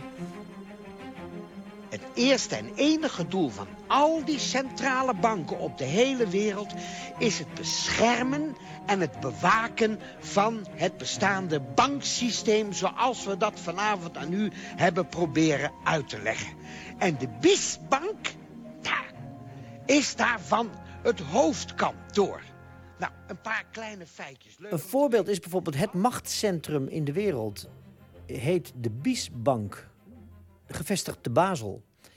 En dat is, een, eh, eh, dat is de bank der banken. Dat is eigenlijk de mastermind die alles stuurt op de wereld. En- die is geheim, daar mag niemand in. Eh, Er wordt geen belasting betaald. Er heeft een eigen politiedienst. Toen ik daar voor het eerst over las, dacht ik dat het niet waar was. Maar het is echt waar. En dat, van daaruit wordt de wereld bestuurd. En dat is doodeng. Spiegels en lampjes voor ons hier in de kleedkamer eh, in Zeist. Tom de Ket eh, voor me.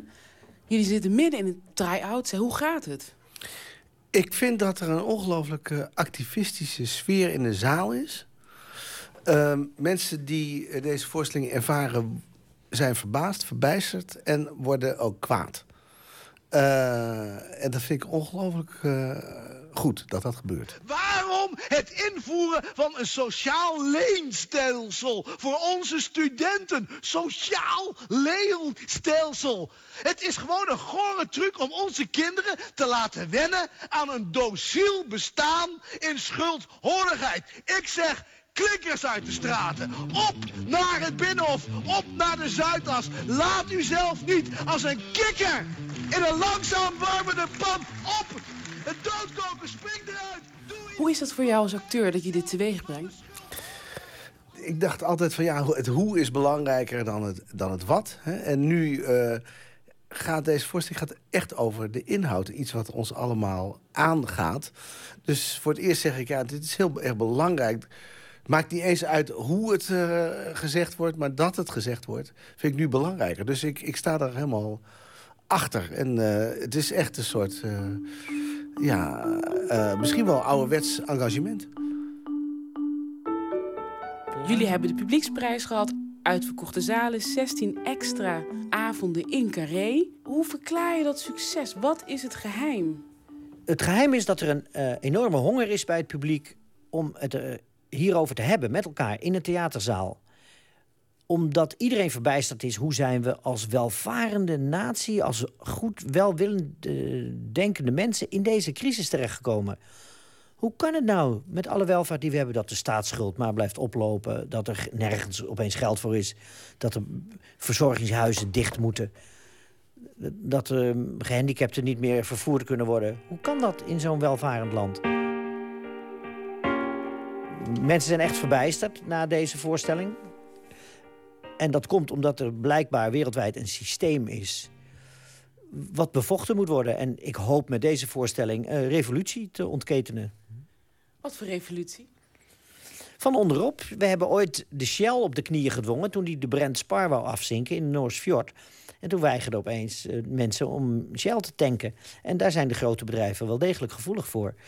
Dus ik denk, en ik hoop zelfs dat we, als er genoeg animo is... dat we een maand, bijvoorbeeld april 2015...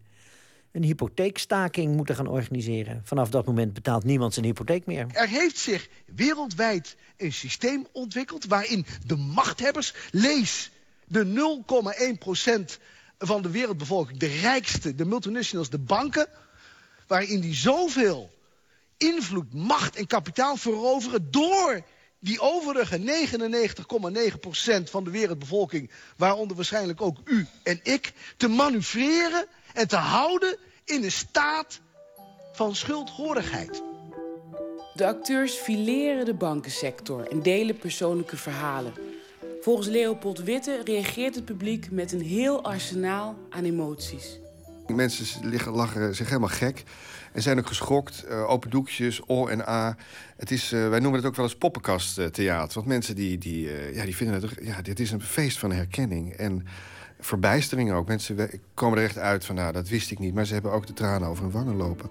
Toen jij en Tom de eh, stopten in 2009, wilden jullie maatschappijkritische stukken maken. Hè? Stukken over het bedrijfsleven. Jullie begonnen daarmee en in het begin ehm, stonden de theaters er niet op te wachten. Hè? Wat hoorde je, George van Houts? Wij hoorden heel veel sceptisch. Want daar zit het theaterpubliek. Dat, in die tijd was dat nog 70% vrouwen, hè, wat in de zaal zit. De, de vrouwen, vooral de wat oudere, hoogopgeleide dames... dat is het, eh, het cultuurpubliek in Nederland. Ook literatuur en de, en de musea worden door die bevolkingsgroep bevolkt. En dus de theaterdirectie zeiden... ja, maar daar komt, geen, daar komt niemand op af. Mannen in pak die schimmige business deals zitten te bespreken op hotelkamers... Sorry, maar daar, wij geloven er helemaal niet in. Nou ja, de rest is geschiedenis. Het, eh, het, het liep storm met de vastgoedfraude 16 bomvol uitverkochte extra carré-avonden. Dat is voor een gewoon toneelstuk eh, exceptioneel. Dus dat heeft zich gelogen gestraft. En nu vechten de theaterdirecteuren om ons naar binnen te krijgen. Wat is geld?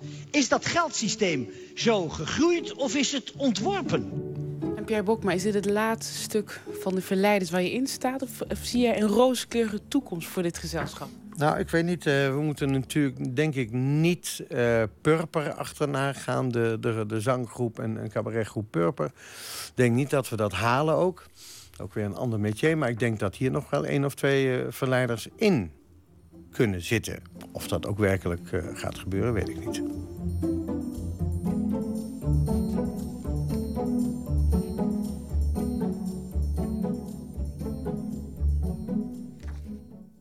De voorstelling De Verleiders door de bank genomen gaat aanstaande zondag 9 november in première in Schouwburg Het Park in Hoorn. Een bijdrage van Nicole Terborg was dat. 2014, een eh, bewogen jaar in het eh, leven van eh, Neil Young. Er komt een tweede deel uit van zijn autobiografie, A Memoir of Life and Cars. Een echtscheiding na 36 jaar huwelijk. Maar hij wordt alweer gespot met Daryl Hannah, die eh, u nog kunt kennen als Semermin. Hij exposeert momenteel in Los Angeles met aquarellen van oude auto's. En er is een nieuwe plaat, Storytone. We gaan daar een liedje van draaien, While I Watch You Sleeping.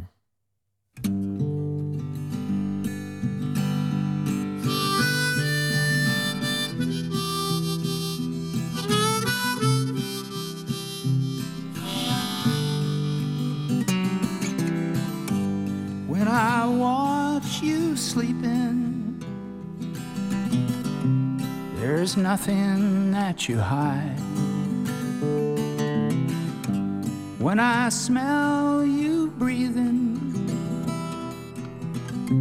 there's a sweetness from inside. And when I feel you stirring, and the day is about to break. Outside wings are whirring, and the sky's there to take.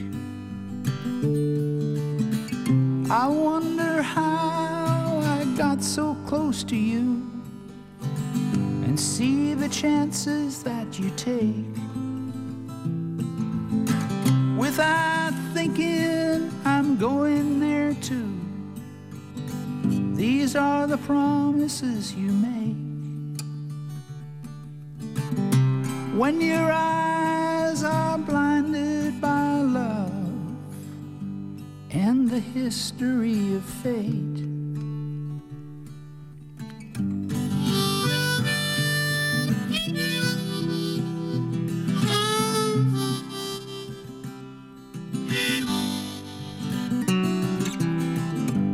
When I hear you purring like a kitten and a lion, and I feel your softness, how you got it without trying. Then you roll and tumble with your dreams still holding on. And I hear that rumble in the stomach of the dawn.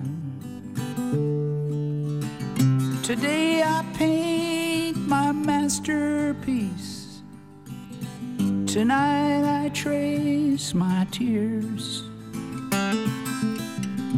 Thinking through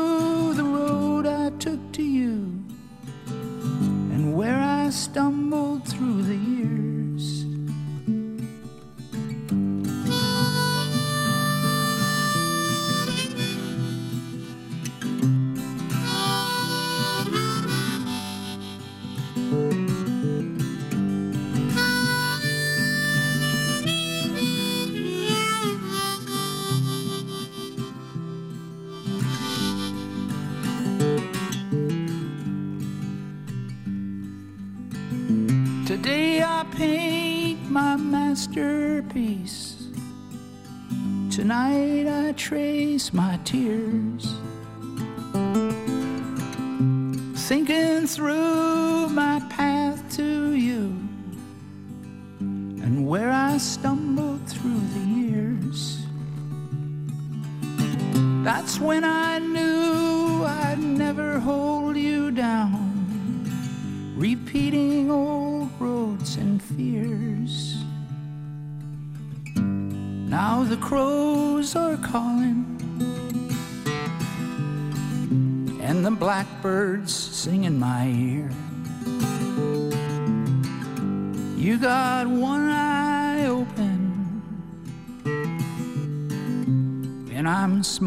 Through my tears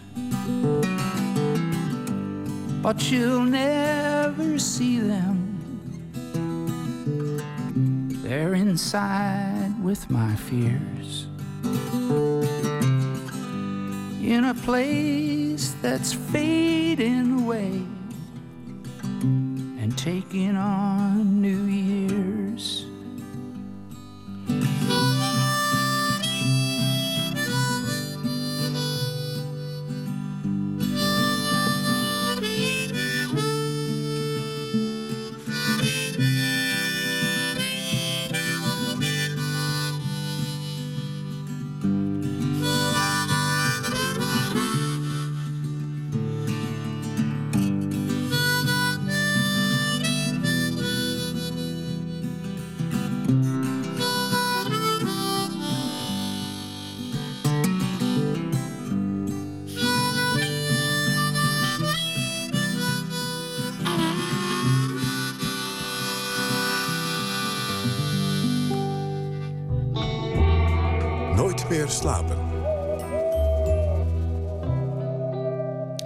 Het was een eh, zoektocht naar eh, de nieuwe 50 tinten grijs. En die zou wel eens ontdekt kunnen zijn. Het nieuwe kassucces van de uitgeverswereld zou moeten worden After. Fanfiction, online al gigantisch populair. Het is het eh, verhaal van Anna Todd over een Harry Styles. En twee weken geleden kwam pas haar eerste boek uit. Er zijn nogal wat overeenkomsten met 50 tinten grijs. Um, nachtcorrespondent Botte Jellema, goeienacht. Goeienacht. Fanfiction, wat is het? Ja, dat zijn verhalen van fans van popidolen. Die verzinnen ze en die schrijven ze dan op. Ik ga je een voorbeeldje geven. Stel, je bent een enorme fan Michael, van Michael McDonald... en je speelt een beetje gitaar. Dan zal het je misschien niet zo heel gauw lukken om echt met hem op te treden. Maar dan verzin je dat gewoon en dan schrijf je dat verhaal... dat je met hem op het podium staat te spelen... En dan, uh, nou ja, dat soort dingen, dat gebeurt dan uh, ook met wat jongere popidolen. En dan gaat het soms ook niet om, om wat uh, gitaarspelen, maar om andere spelletjes. En andere popidolen, zoals bijvoorbeeld One Direction. Let's go one way or another. I'm gonna find you. I'm gonna get you, get you, get you, get you. One way or another. I'm gonna win you. I'll get you, I'll get you. One way. Ja, dat klinkt al wat viever en jonger dan Michael McDonald, waar je mee begon. maar die, um, nou ja, dit is dan muziek en dan, dan verzin je als het ware een verhaal rondom dat, dat idool. Ja, want ik weet niet of je dit herkent, maar dit is dus One Direction. Dat is zo'n eh, dat is een boyband. Het zijn vijf jongens van rond de twintig. Het is een, eh, enorm populair. Het, ze vormen al een paar jaar het centrum van de wereld... van iedere meisje dat tussen de, nou pak een beet... de 12 en de 17 is, zullen we maar zeggen. En Anna Todd, dat is een schrijfster uit eh, Austin, uit eh, Texas, Texas. Ze is moeder en ze is altijd een liefhebber van dit soort boybands eh, geweest. En zij begon Anna te fantaseren over dat ze zou gaan studeren op een universiteit waar de jongens van One Direction ook studeren. Nou, dat is typische fanfiction. En in die fantasieën is ze bepaald niet preuts. Eh, de frontman van One Direction is Harry Styles. De hoofdpersoon van haar fanfiction is eigenlijk volledig op hem gebaseerd. En ze zetten steeds nieuwe hoofdstukjes van haar verhaal eh, op het internet, op de site eh, Wattpad. En dat werd enorm populair. Daar vertelde ze over bij het Amerikaanse NPR. they would catch on to clues I was dropping. Um, I have some plot twists in the story. And so whenever they would get too close to know what's going on, I would throw in something to kind of throw them off and kind of pull the strings as they were reading. Heel bewust dus bezig met, eh, met, met wat de fans ervan denken en, en, eh, en hoe het plot zich ontwikkelt. Je, aan het begin maakte ik de vergelijking met 50 tinten grijs. Is, het- is het zo erotisch? Ja, nou, ik heb even een klein stukje gelezen. En ehm, ja, tenminste, ik ken 50 tint grijs niet. Maar ehm, het, er staan in wat eh, Anna schrijft... eh, in ieder geval wat er op internet van te lezen is... er staan vrij expliciete scènes. En dat is eigenlijk wel een beetje opmerkelijk... als je het dan hebt over eh, zo, de, de, de, de fanbase van One Direction, zal ik maar zeggen... Wat, ja, toch wel wat aan de jonge kant is voor dat soort dingen. Dus dat is wel eventjes een Hoe beetje jong- een spannend twistje. Hoe Nou jong ja, hebben we het dan over? Ja, over One Direction in ieder geval. eh, dus die de, eh, jonge pubermeisjes, daar hebben we het over. Dus zo En, 13, ehm, 14, 15 jaar oud of zoiets. Ja, misschien een beetje naar boven. Want die jongens die zijn inmiddels ook een jaar of twintig. Maar eh, ja, dat een beetje. En Maar nou goed, dus, dus dat is wel nog iets waar ik wel benieuwd naar ben... hoe ze dat uiteindelijk gaan oplossen. Want het is in ieder geval wel zo dat wat Anna geschreven heeft... verschrikkelijk populair is. Ze had binnen de kortste keren had ze echt miljoenen lezers. Eh, juist omdat ze dus zo handig is in dat... Ja, heel goed die, die, die, eh, die, die, die, eh, die, die plots, hè, dat plot een beetje in de gaten houden. het is en eigenlijk opmerkelijk fans aan het doen zijn. dat, dat zulke jonge mensen over seks willen lezen. Ik bedoel, als je zo jong bent, dan snap ik dat je het heel graag wilt doen. En dat je het misschien ook al een beetje doet. Of, of meer dan een beetje. Maar om erover te gaan lezen, dat, dat associeer ik toch vooral met oude mensen. Ja, misschien is dat wel zo. Aan de andere kant van lezen kun je ook... Ja, ik weet niet, het is wel een veilige manier, hè?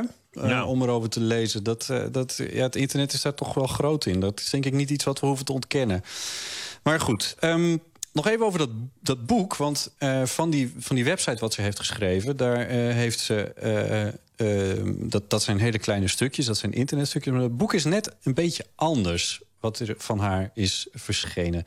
De hoofdpersoon in het papieren boek... Of e-book, dat kan uiteindelijk ook. Maar goed, in dat papieren boek wat bij de uitgeverij is uitgegeven... Dat, die, die hoofdpersoon die heet niet meer eh, Harry, zoals eh, Harry Styles van One Direction... maar die heet ineens eh, Hardin.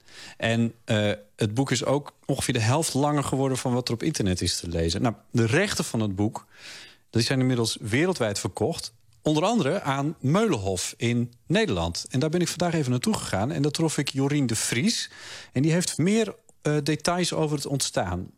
Zij heeft dit verhaal op haar telefoon geschreven, ongelooflijk. Eh, volgens mij eh, drie keer 250 pagina's op haar iPhone zitten typen. En dat verhaal is op Wattpad terechtgekomen. En dat is onvoorstelbaar populair geworden. Ik geloof bij 30 miljoen eh, begon de uitgever in Amerika, Simon Schuster, eh, zich eens achter de oren te krabben en denkt: oeh, dit is interessant. En inmiddels is het meer dan een miljard keer eh, gelezen, haar verhaal. Ja. dat is bijna niet voor te stellen. Dat is grappig, dat vertelde je me net ook. Want hier, hier in, de, in de tekst van jullie catalogus staat... eh, werd al 900 miljoen keer gelezen. Ja, wij, dachten, ja, een miljard is bijna niet te bevatten. En dan is misschien 900 miljoen. Ja, daar, daar kan je nog iets bij voorstellen. Maar een miljard keer, ja, het is onvoorstelbaar. Dat zijn inderdaad absurde getallen. Iets dat een miljard keer gelezen is. Daar, daar kan ik niks mee. Nee, nee, nee. Want dan zegt ze van 900 miljoen, daar kunnen we ons er misschien nog iets bij voorstellen. Nou, ik kan me daar helemaal niets bij voorstellen. Ehm, eh, ik heb het verhaal dus een heel klein beetje gelezen, wat op die site van eh, Wattpad staat. Eh, en wat ik daar heb gezien is dat ze echt heel goed is, die Anna in het heel erg gedoseerd vertellen van het verhaal. Misschien een klein beetje, als je zou willen, zou je dat bijna een beetje op een soort porno-manier kunnen zien dat het is verteld. Ik denk dat bij de populariteit die expliciete seksscènes ook echt wel helpen. En eh, wat helemaal grappig is, is dat ze daar ook aan het begin meteen heel expliciet voor waarschuwt. Dat het allemaal, no- ja, dat die, dat die seks daarin zit. Eh, ja, dat werkt natuurlijk helemaal als, als, als honing. En dan moeten we ook niet vergeten, het is nadrukkelijk fanfiction. Het gaat over One Direction, een hele populaire band. Nou ja, alles bij elkaar begrijp ik dan wel dat je tot hele hoge getallen komt. En dat trucje, dat kennen we dus van die andere populaire boeken. Ja, zeker. Dat, en dat is eh, 50 Tinten Grijs is eh, in eerste instantie ook als fanfiction geschreven. Dat was een afgeleide van eh, de Twilight-serie, die toen razend populair was. Ja, en toen is wel gebleken dat eh, veel seks in het boek... dat dat heel veel mensen heel nieuwsgierig maakt. Dus dat zal bij dit boek ook zeker meespelen. Nou ja, Meulenhof heeft meteen toegeslagen en de rechten gekocht. Net als 33 andere landen. En de filmrechten zijn inmiddels al verkocht. Dus ze verwachten er veel van bij Meulenhof. Dus ze pakken het ook meteen heel grondig aan. Want het is niet één boek dat straks in maart uitkomt. Maar dat zijn er meteen vier. En het zijn ook meteen blokken van 5 tot 600 pagina's.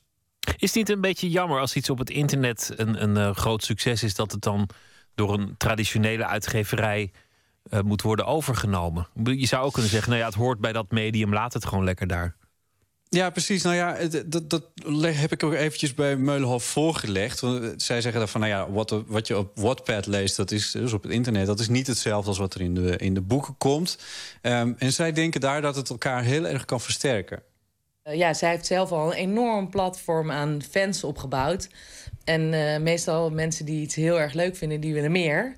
En in de boeken krijgen ze meer. Dus wat dat betreft eh, is het een perfect voorbeeld van hoe online en offline elkaar eh, goed kunnen aanvullen. En we maken natuurlijk eh, e-books ervan. Nou ja, het gaat over eh, seksfantasieën met jongensbandjes, maar we mogen blij zijn als eh, de jeugd toch gewoon weer lekker boeken leest. Het is een begin. Nou ja, ze zijn bij Meulenhof dus nu nog heel erg aan het uitzoeken... van, van, voor wie is dit eigenlijk? Is dat inderdaad voor de nou, bakvissen, zullen we maar zeggen... of voor een net iets oudere groep, voor studenten... want het gewerkt speelt op een universiteit... Of misschien gaat het toch weer juist wat meer richting die eh, 50 tinten grijs publieken. Dat, ja, dat zijn ze nog aan het uitvissen. En tot, het boek heet After, verschenen dus bij eh, Meulenhof in het Nederlands. En eh, naar verwachting misschien wel de nieuwe 50 tinten grijs. Botte Jellema, dankjewel. Goeienacht. Goeienacht.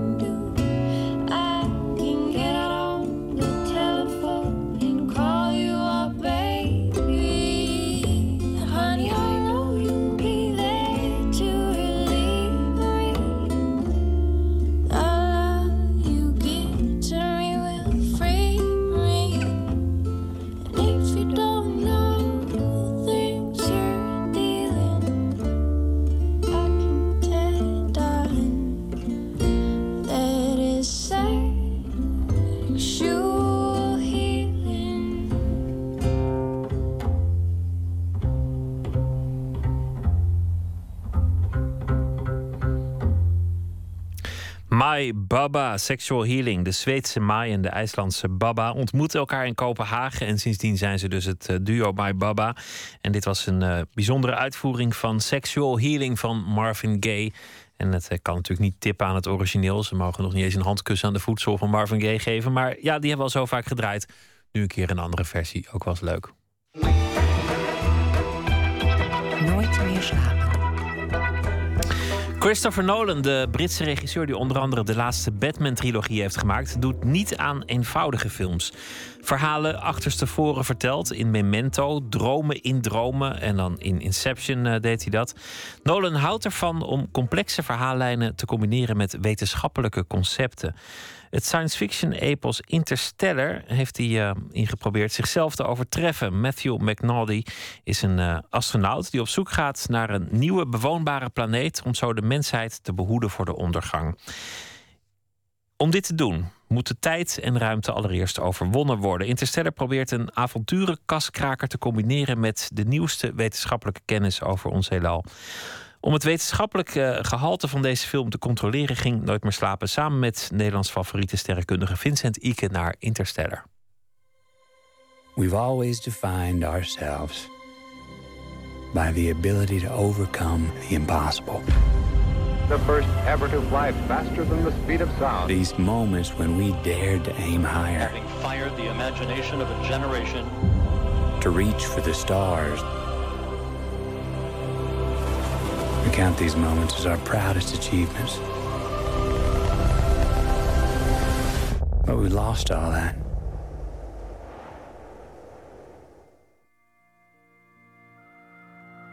Oké, waar te beginnen?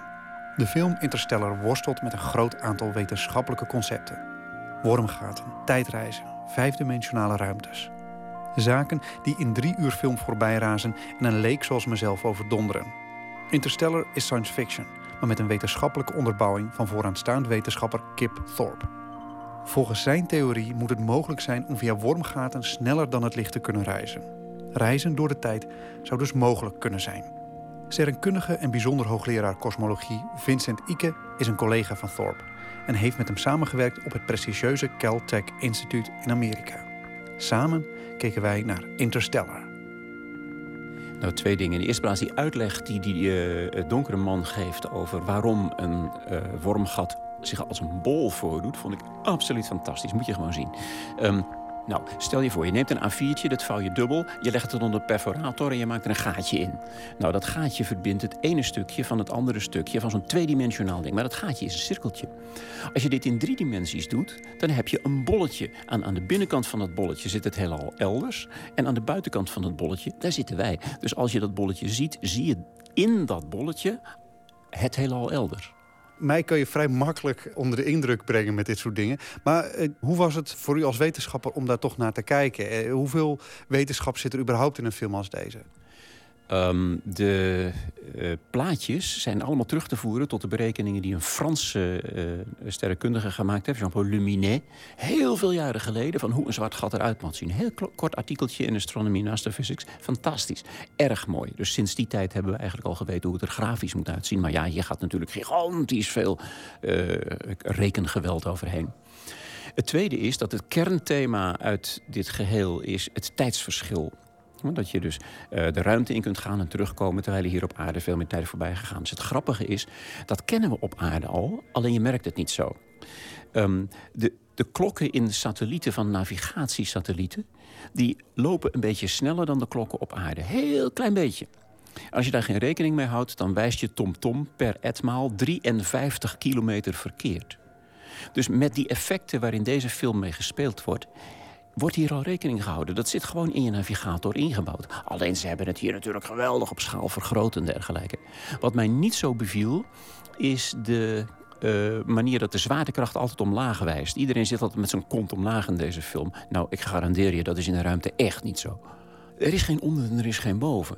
Uh, dat, dat desoriënterende van in de ruimte zijn... dat hadden ze in deze film beter kunnen gebruiken, volgens mij. Ja, ik heb die film niet gemaakt natuurlijk, misschien flauw dat ik het zeg. Maar natuurkundig zit het echt heel gelikt in elkaar. Is de film te goede trouw, wetenschappelijk gezien? Ja, de film is wetenschappelijk gezien absoluut te goede trouw. Er wordt geen flauwekul uitgehaald. Ook eh, voor mij is visueel de meest indrukwekkende scène... waarin ze in een vijfdimensionale ruimte zitten. Een soort, soort eh, vijfdimensionale kubus. Hoe ziet een vijfdimensionale kubus er in onze wereld uit? Nou, ik ga niet verraden hoe je dat eruit ziet. Op de radio kun je niet eens horen natuurlijk. Maar het is fantastisch knap. En dat is niet alleen natuurkundig, maar ook wiskundig. Helemaal echt en zeer indrukwekkend vormgegeven. Keeping an eye on that power transfer at T-minus 50 seconds. The S-4B propellant now all pressurized. S-4B propellant... We zaten in een zaal vol met filmjournalisten. En er was één moment en dan hoorde ik alleen u lachen. En dat was het moment dat eh, de dochter van de hoofdrolspeler... op dat moment zelf ook een wetenschapper... op een gegeven moment een doorbraak heeft... met haar papieren door het gebouw loopt... en dan Eureka schreeuwt en de papieren in de lucht gooit. En een man kijkt een beetje verbaasd op en zegt... ja, dat is traditie. En ik, hoor, ik hoorde u lachen. En u was ook de enige. Kunt u uitleggen wat daar nou zo mooi aan was? Ja, dat, dat Eureka en zo, dat is een sprookje wat verteld wordt over Archimedes... die ontdekte hoe dingen drijven en dergelijke. Dat hij in zijn blote kont door Syracuse liep. Ehm, en het is inderdaad traditie. Ik denk dat er geen enkele wetenschapper is die dat ooit heeft eh, gezegd. Voor mij was het heel bijzonder omdat Christian Huygens, die ik bestudeerd heb... in een van zijn beste manuscripten, in de rechterbovenhoek ook Heureka heeft geschreven in Griekse letters. Van ik heb het gevonden. Zo'n knappe ontdekking.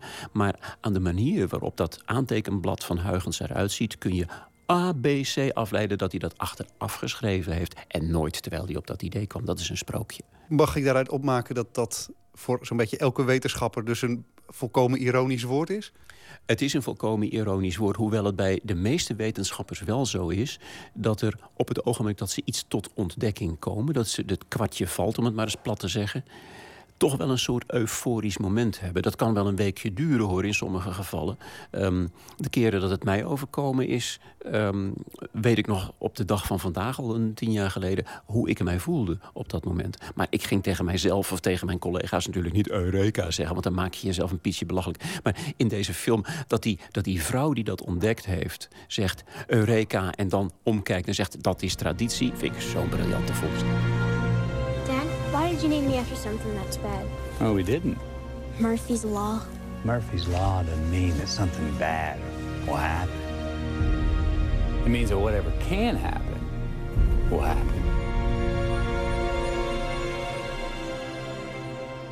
Ik vond het ook een hele aardige knipoog naar wat natuurlijk ook in de film speelt. Buiten het, het, het reizen door de tijd en ruimte. Is ook het verbeelden van genie. Want we zien allemaal ontzettend intelligente mensen bezig om onbegrijpelijk complexe problemen alsnog op te lossen. Hoe is het om dan het doorbraken verbeeld te zien? Is dat ooit geloofwaardig? Überhaupt het, het wetenschappelijke werk, komt dat ooit enigszins herkenbaar over voor u? In dit geval wel een beetje en voornamelijk door de frustratie. Ik zeg het wel eens zo dat het voornaamste product van de wetenschap is de mislukking. Bijna alles wat je probeert gaat verkeerd, gaat fout, deugt niet, wordt door een ander correct tegengesproken enzovoorts. Daarom is wetenschap maatschappelijk ook niet populair. Je kunt geen maatschappij bouwen op mislukkingen, maar wij doen dat wel, want zo is de wetenschap nou eenmaal. En het met je kop tegen de muur bonken, wat je van deze, sommige van deze wetenschappers ziet, dat komt zeer geloofwaardig over. Wat op mij ook geloofwaardig overkwam, is de, de als het ware eh, vage, pijnzende, zwevende manier bijna waarop die vrouw aan het eind van de film te weten komt hoe het werkelijk in elkaar zit. Dat, dat is uh, natuurkundig in elkaar zit, hè? niet het, het, verhaal van de film zelf. En dat, dat, dat vage, uh, voorbij het punt oneindig voor je uitkijken en zo, dat is ook wel heel herkenbaar. Wat er op zo'n moment gebeurt, is dat je niet door de werkelijkheid gestoord kunt worden. Um, het is mij een keer overkomen dat toen ik met een, een zeer intensief onderzoek bezig was, ik twee weken lang vergeten ben mijn contactlenzen uit te doen. Dat heeft mij bijna blind gemaakt. En ik had het niet echt ik had het niet in de gaten. Het gebeurde pas twee weken later toen ik onder de douche stond. Misschien dat ik me in die tussentijd ook niet gewassen heb. Dat herinner ik niet meer precies.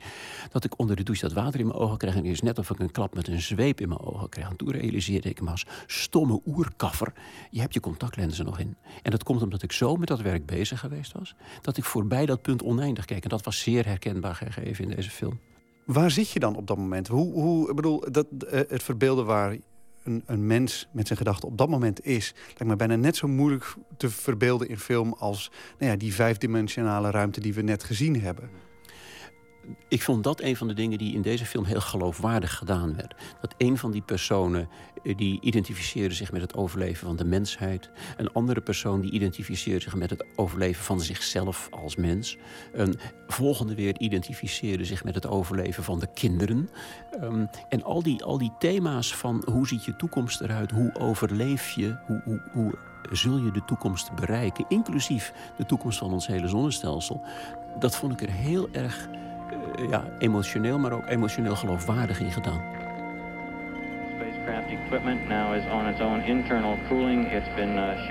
Uh. Ruimtevaart, dus het zelf als persoon de ruimte ingaan, is wetenschappelijk gezien volkomen kul. En de meeste uh, onderzoekers die weten dat ook wel. Maar verhalen zijn inspirerend. Altijd. Of het nou verhalen zijn over de algemene relativiteitstheorie... of verhalen over de kwantumveldentheorie... of verhalen gewoon over het lot van de mensheid... Eh, waar we vandaan kwamen, waar we naartoe gaan over 5 miljard jaar.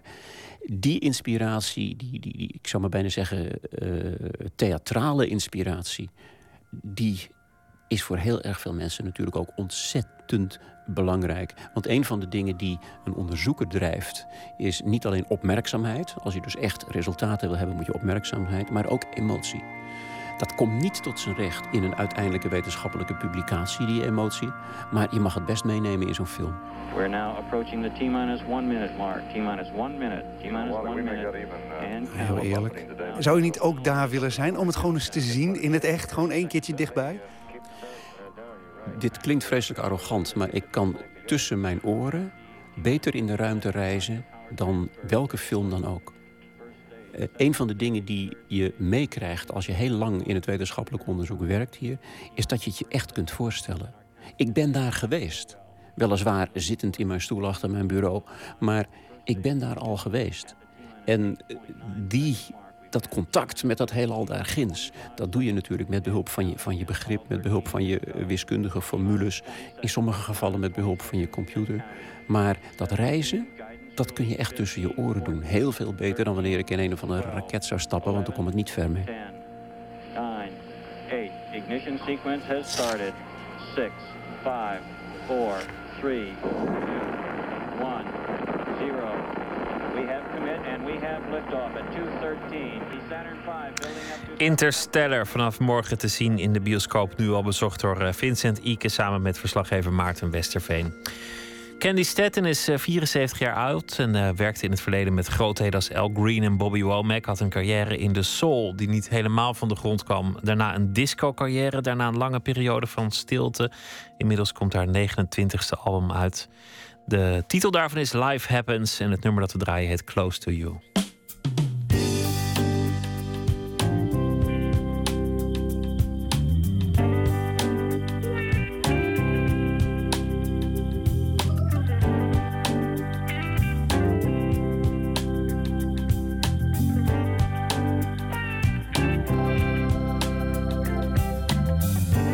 Some people like their spaces. Some people like their crowds. Some people like to go places. Everybody is talking loud. Some people like to walk the streets at night, all alone. And deep thought, that's all good. I just wanna be close to just be close to you. Close to you. Close to you.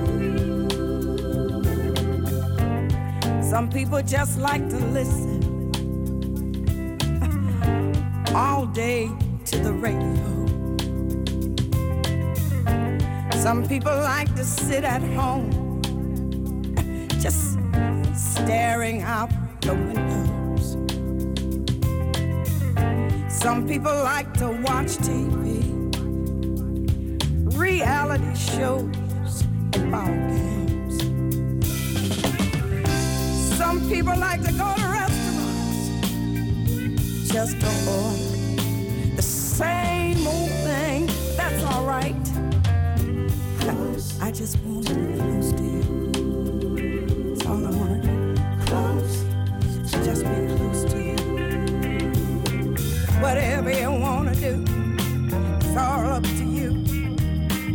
Just don't bother me. Tell me what to do. Oh, I just wanna be close to you. Some people like to go shopping at the department stores. Some people like to surf the net, watch DVDs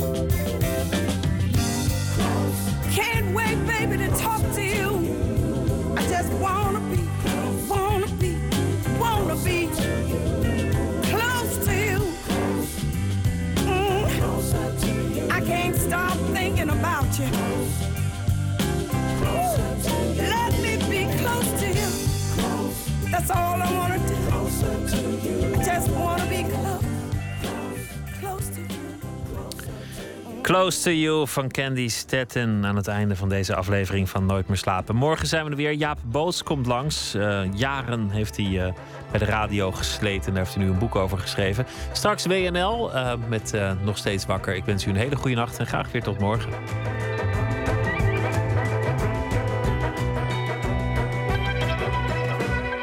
Op Radio 1, het nieuws van alle kanten.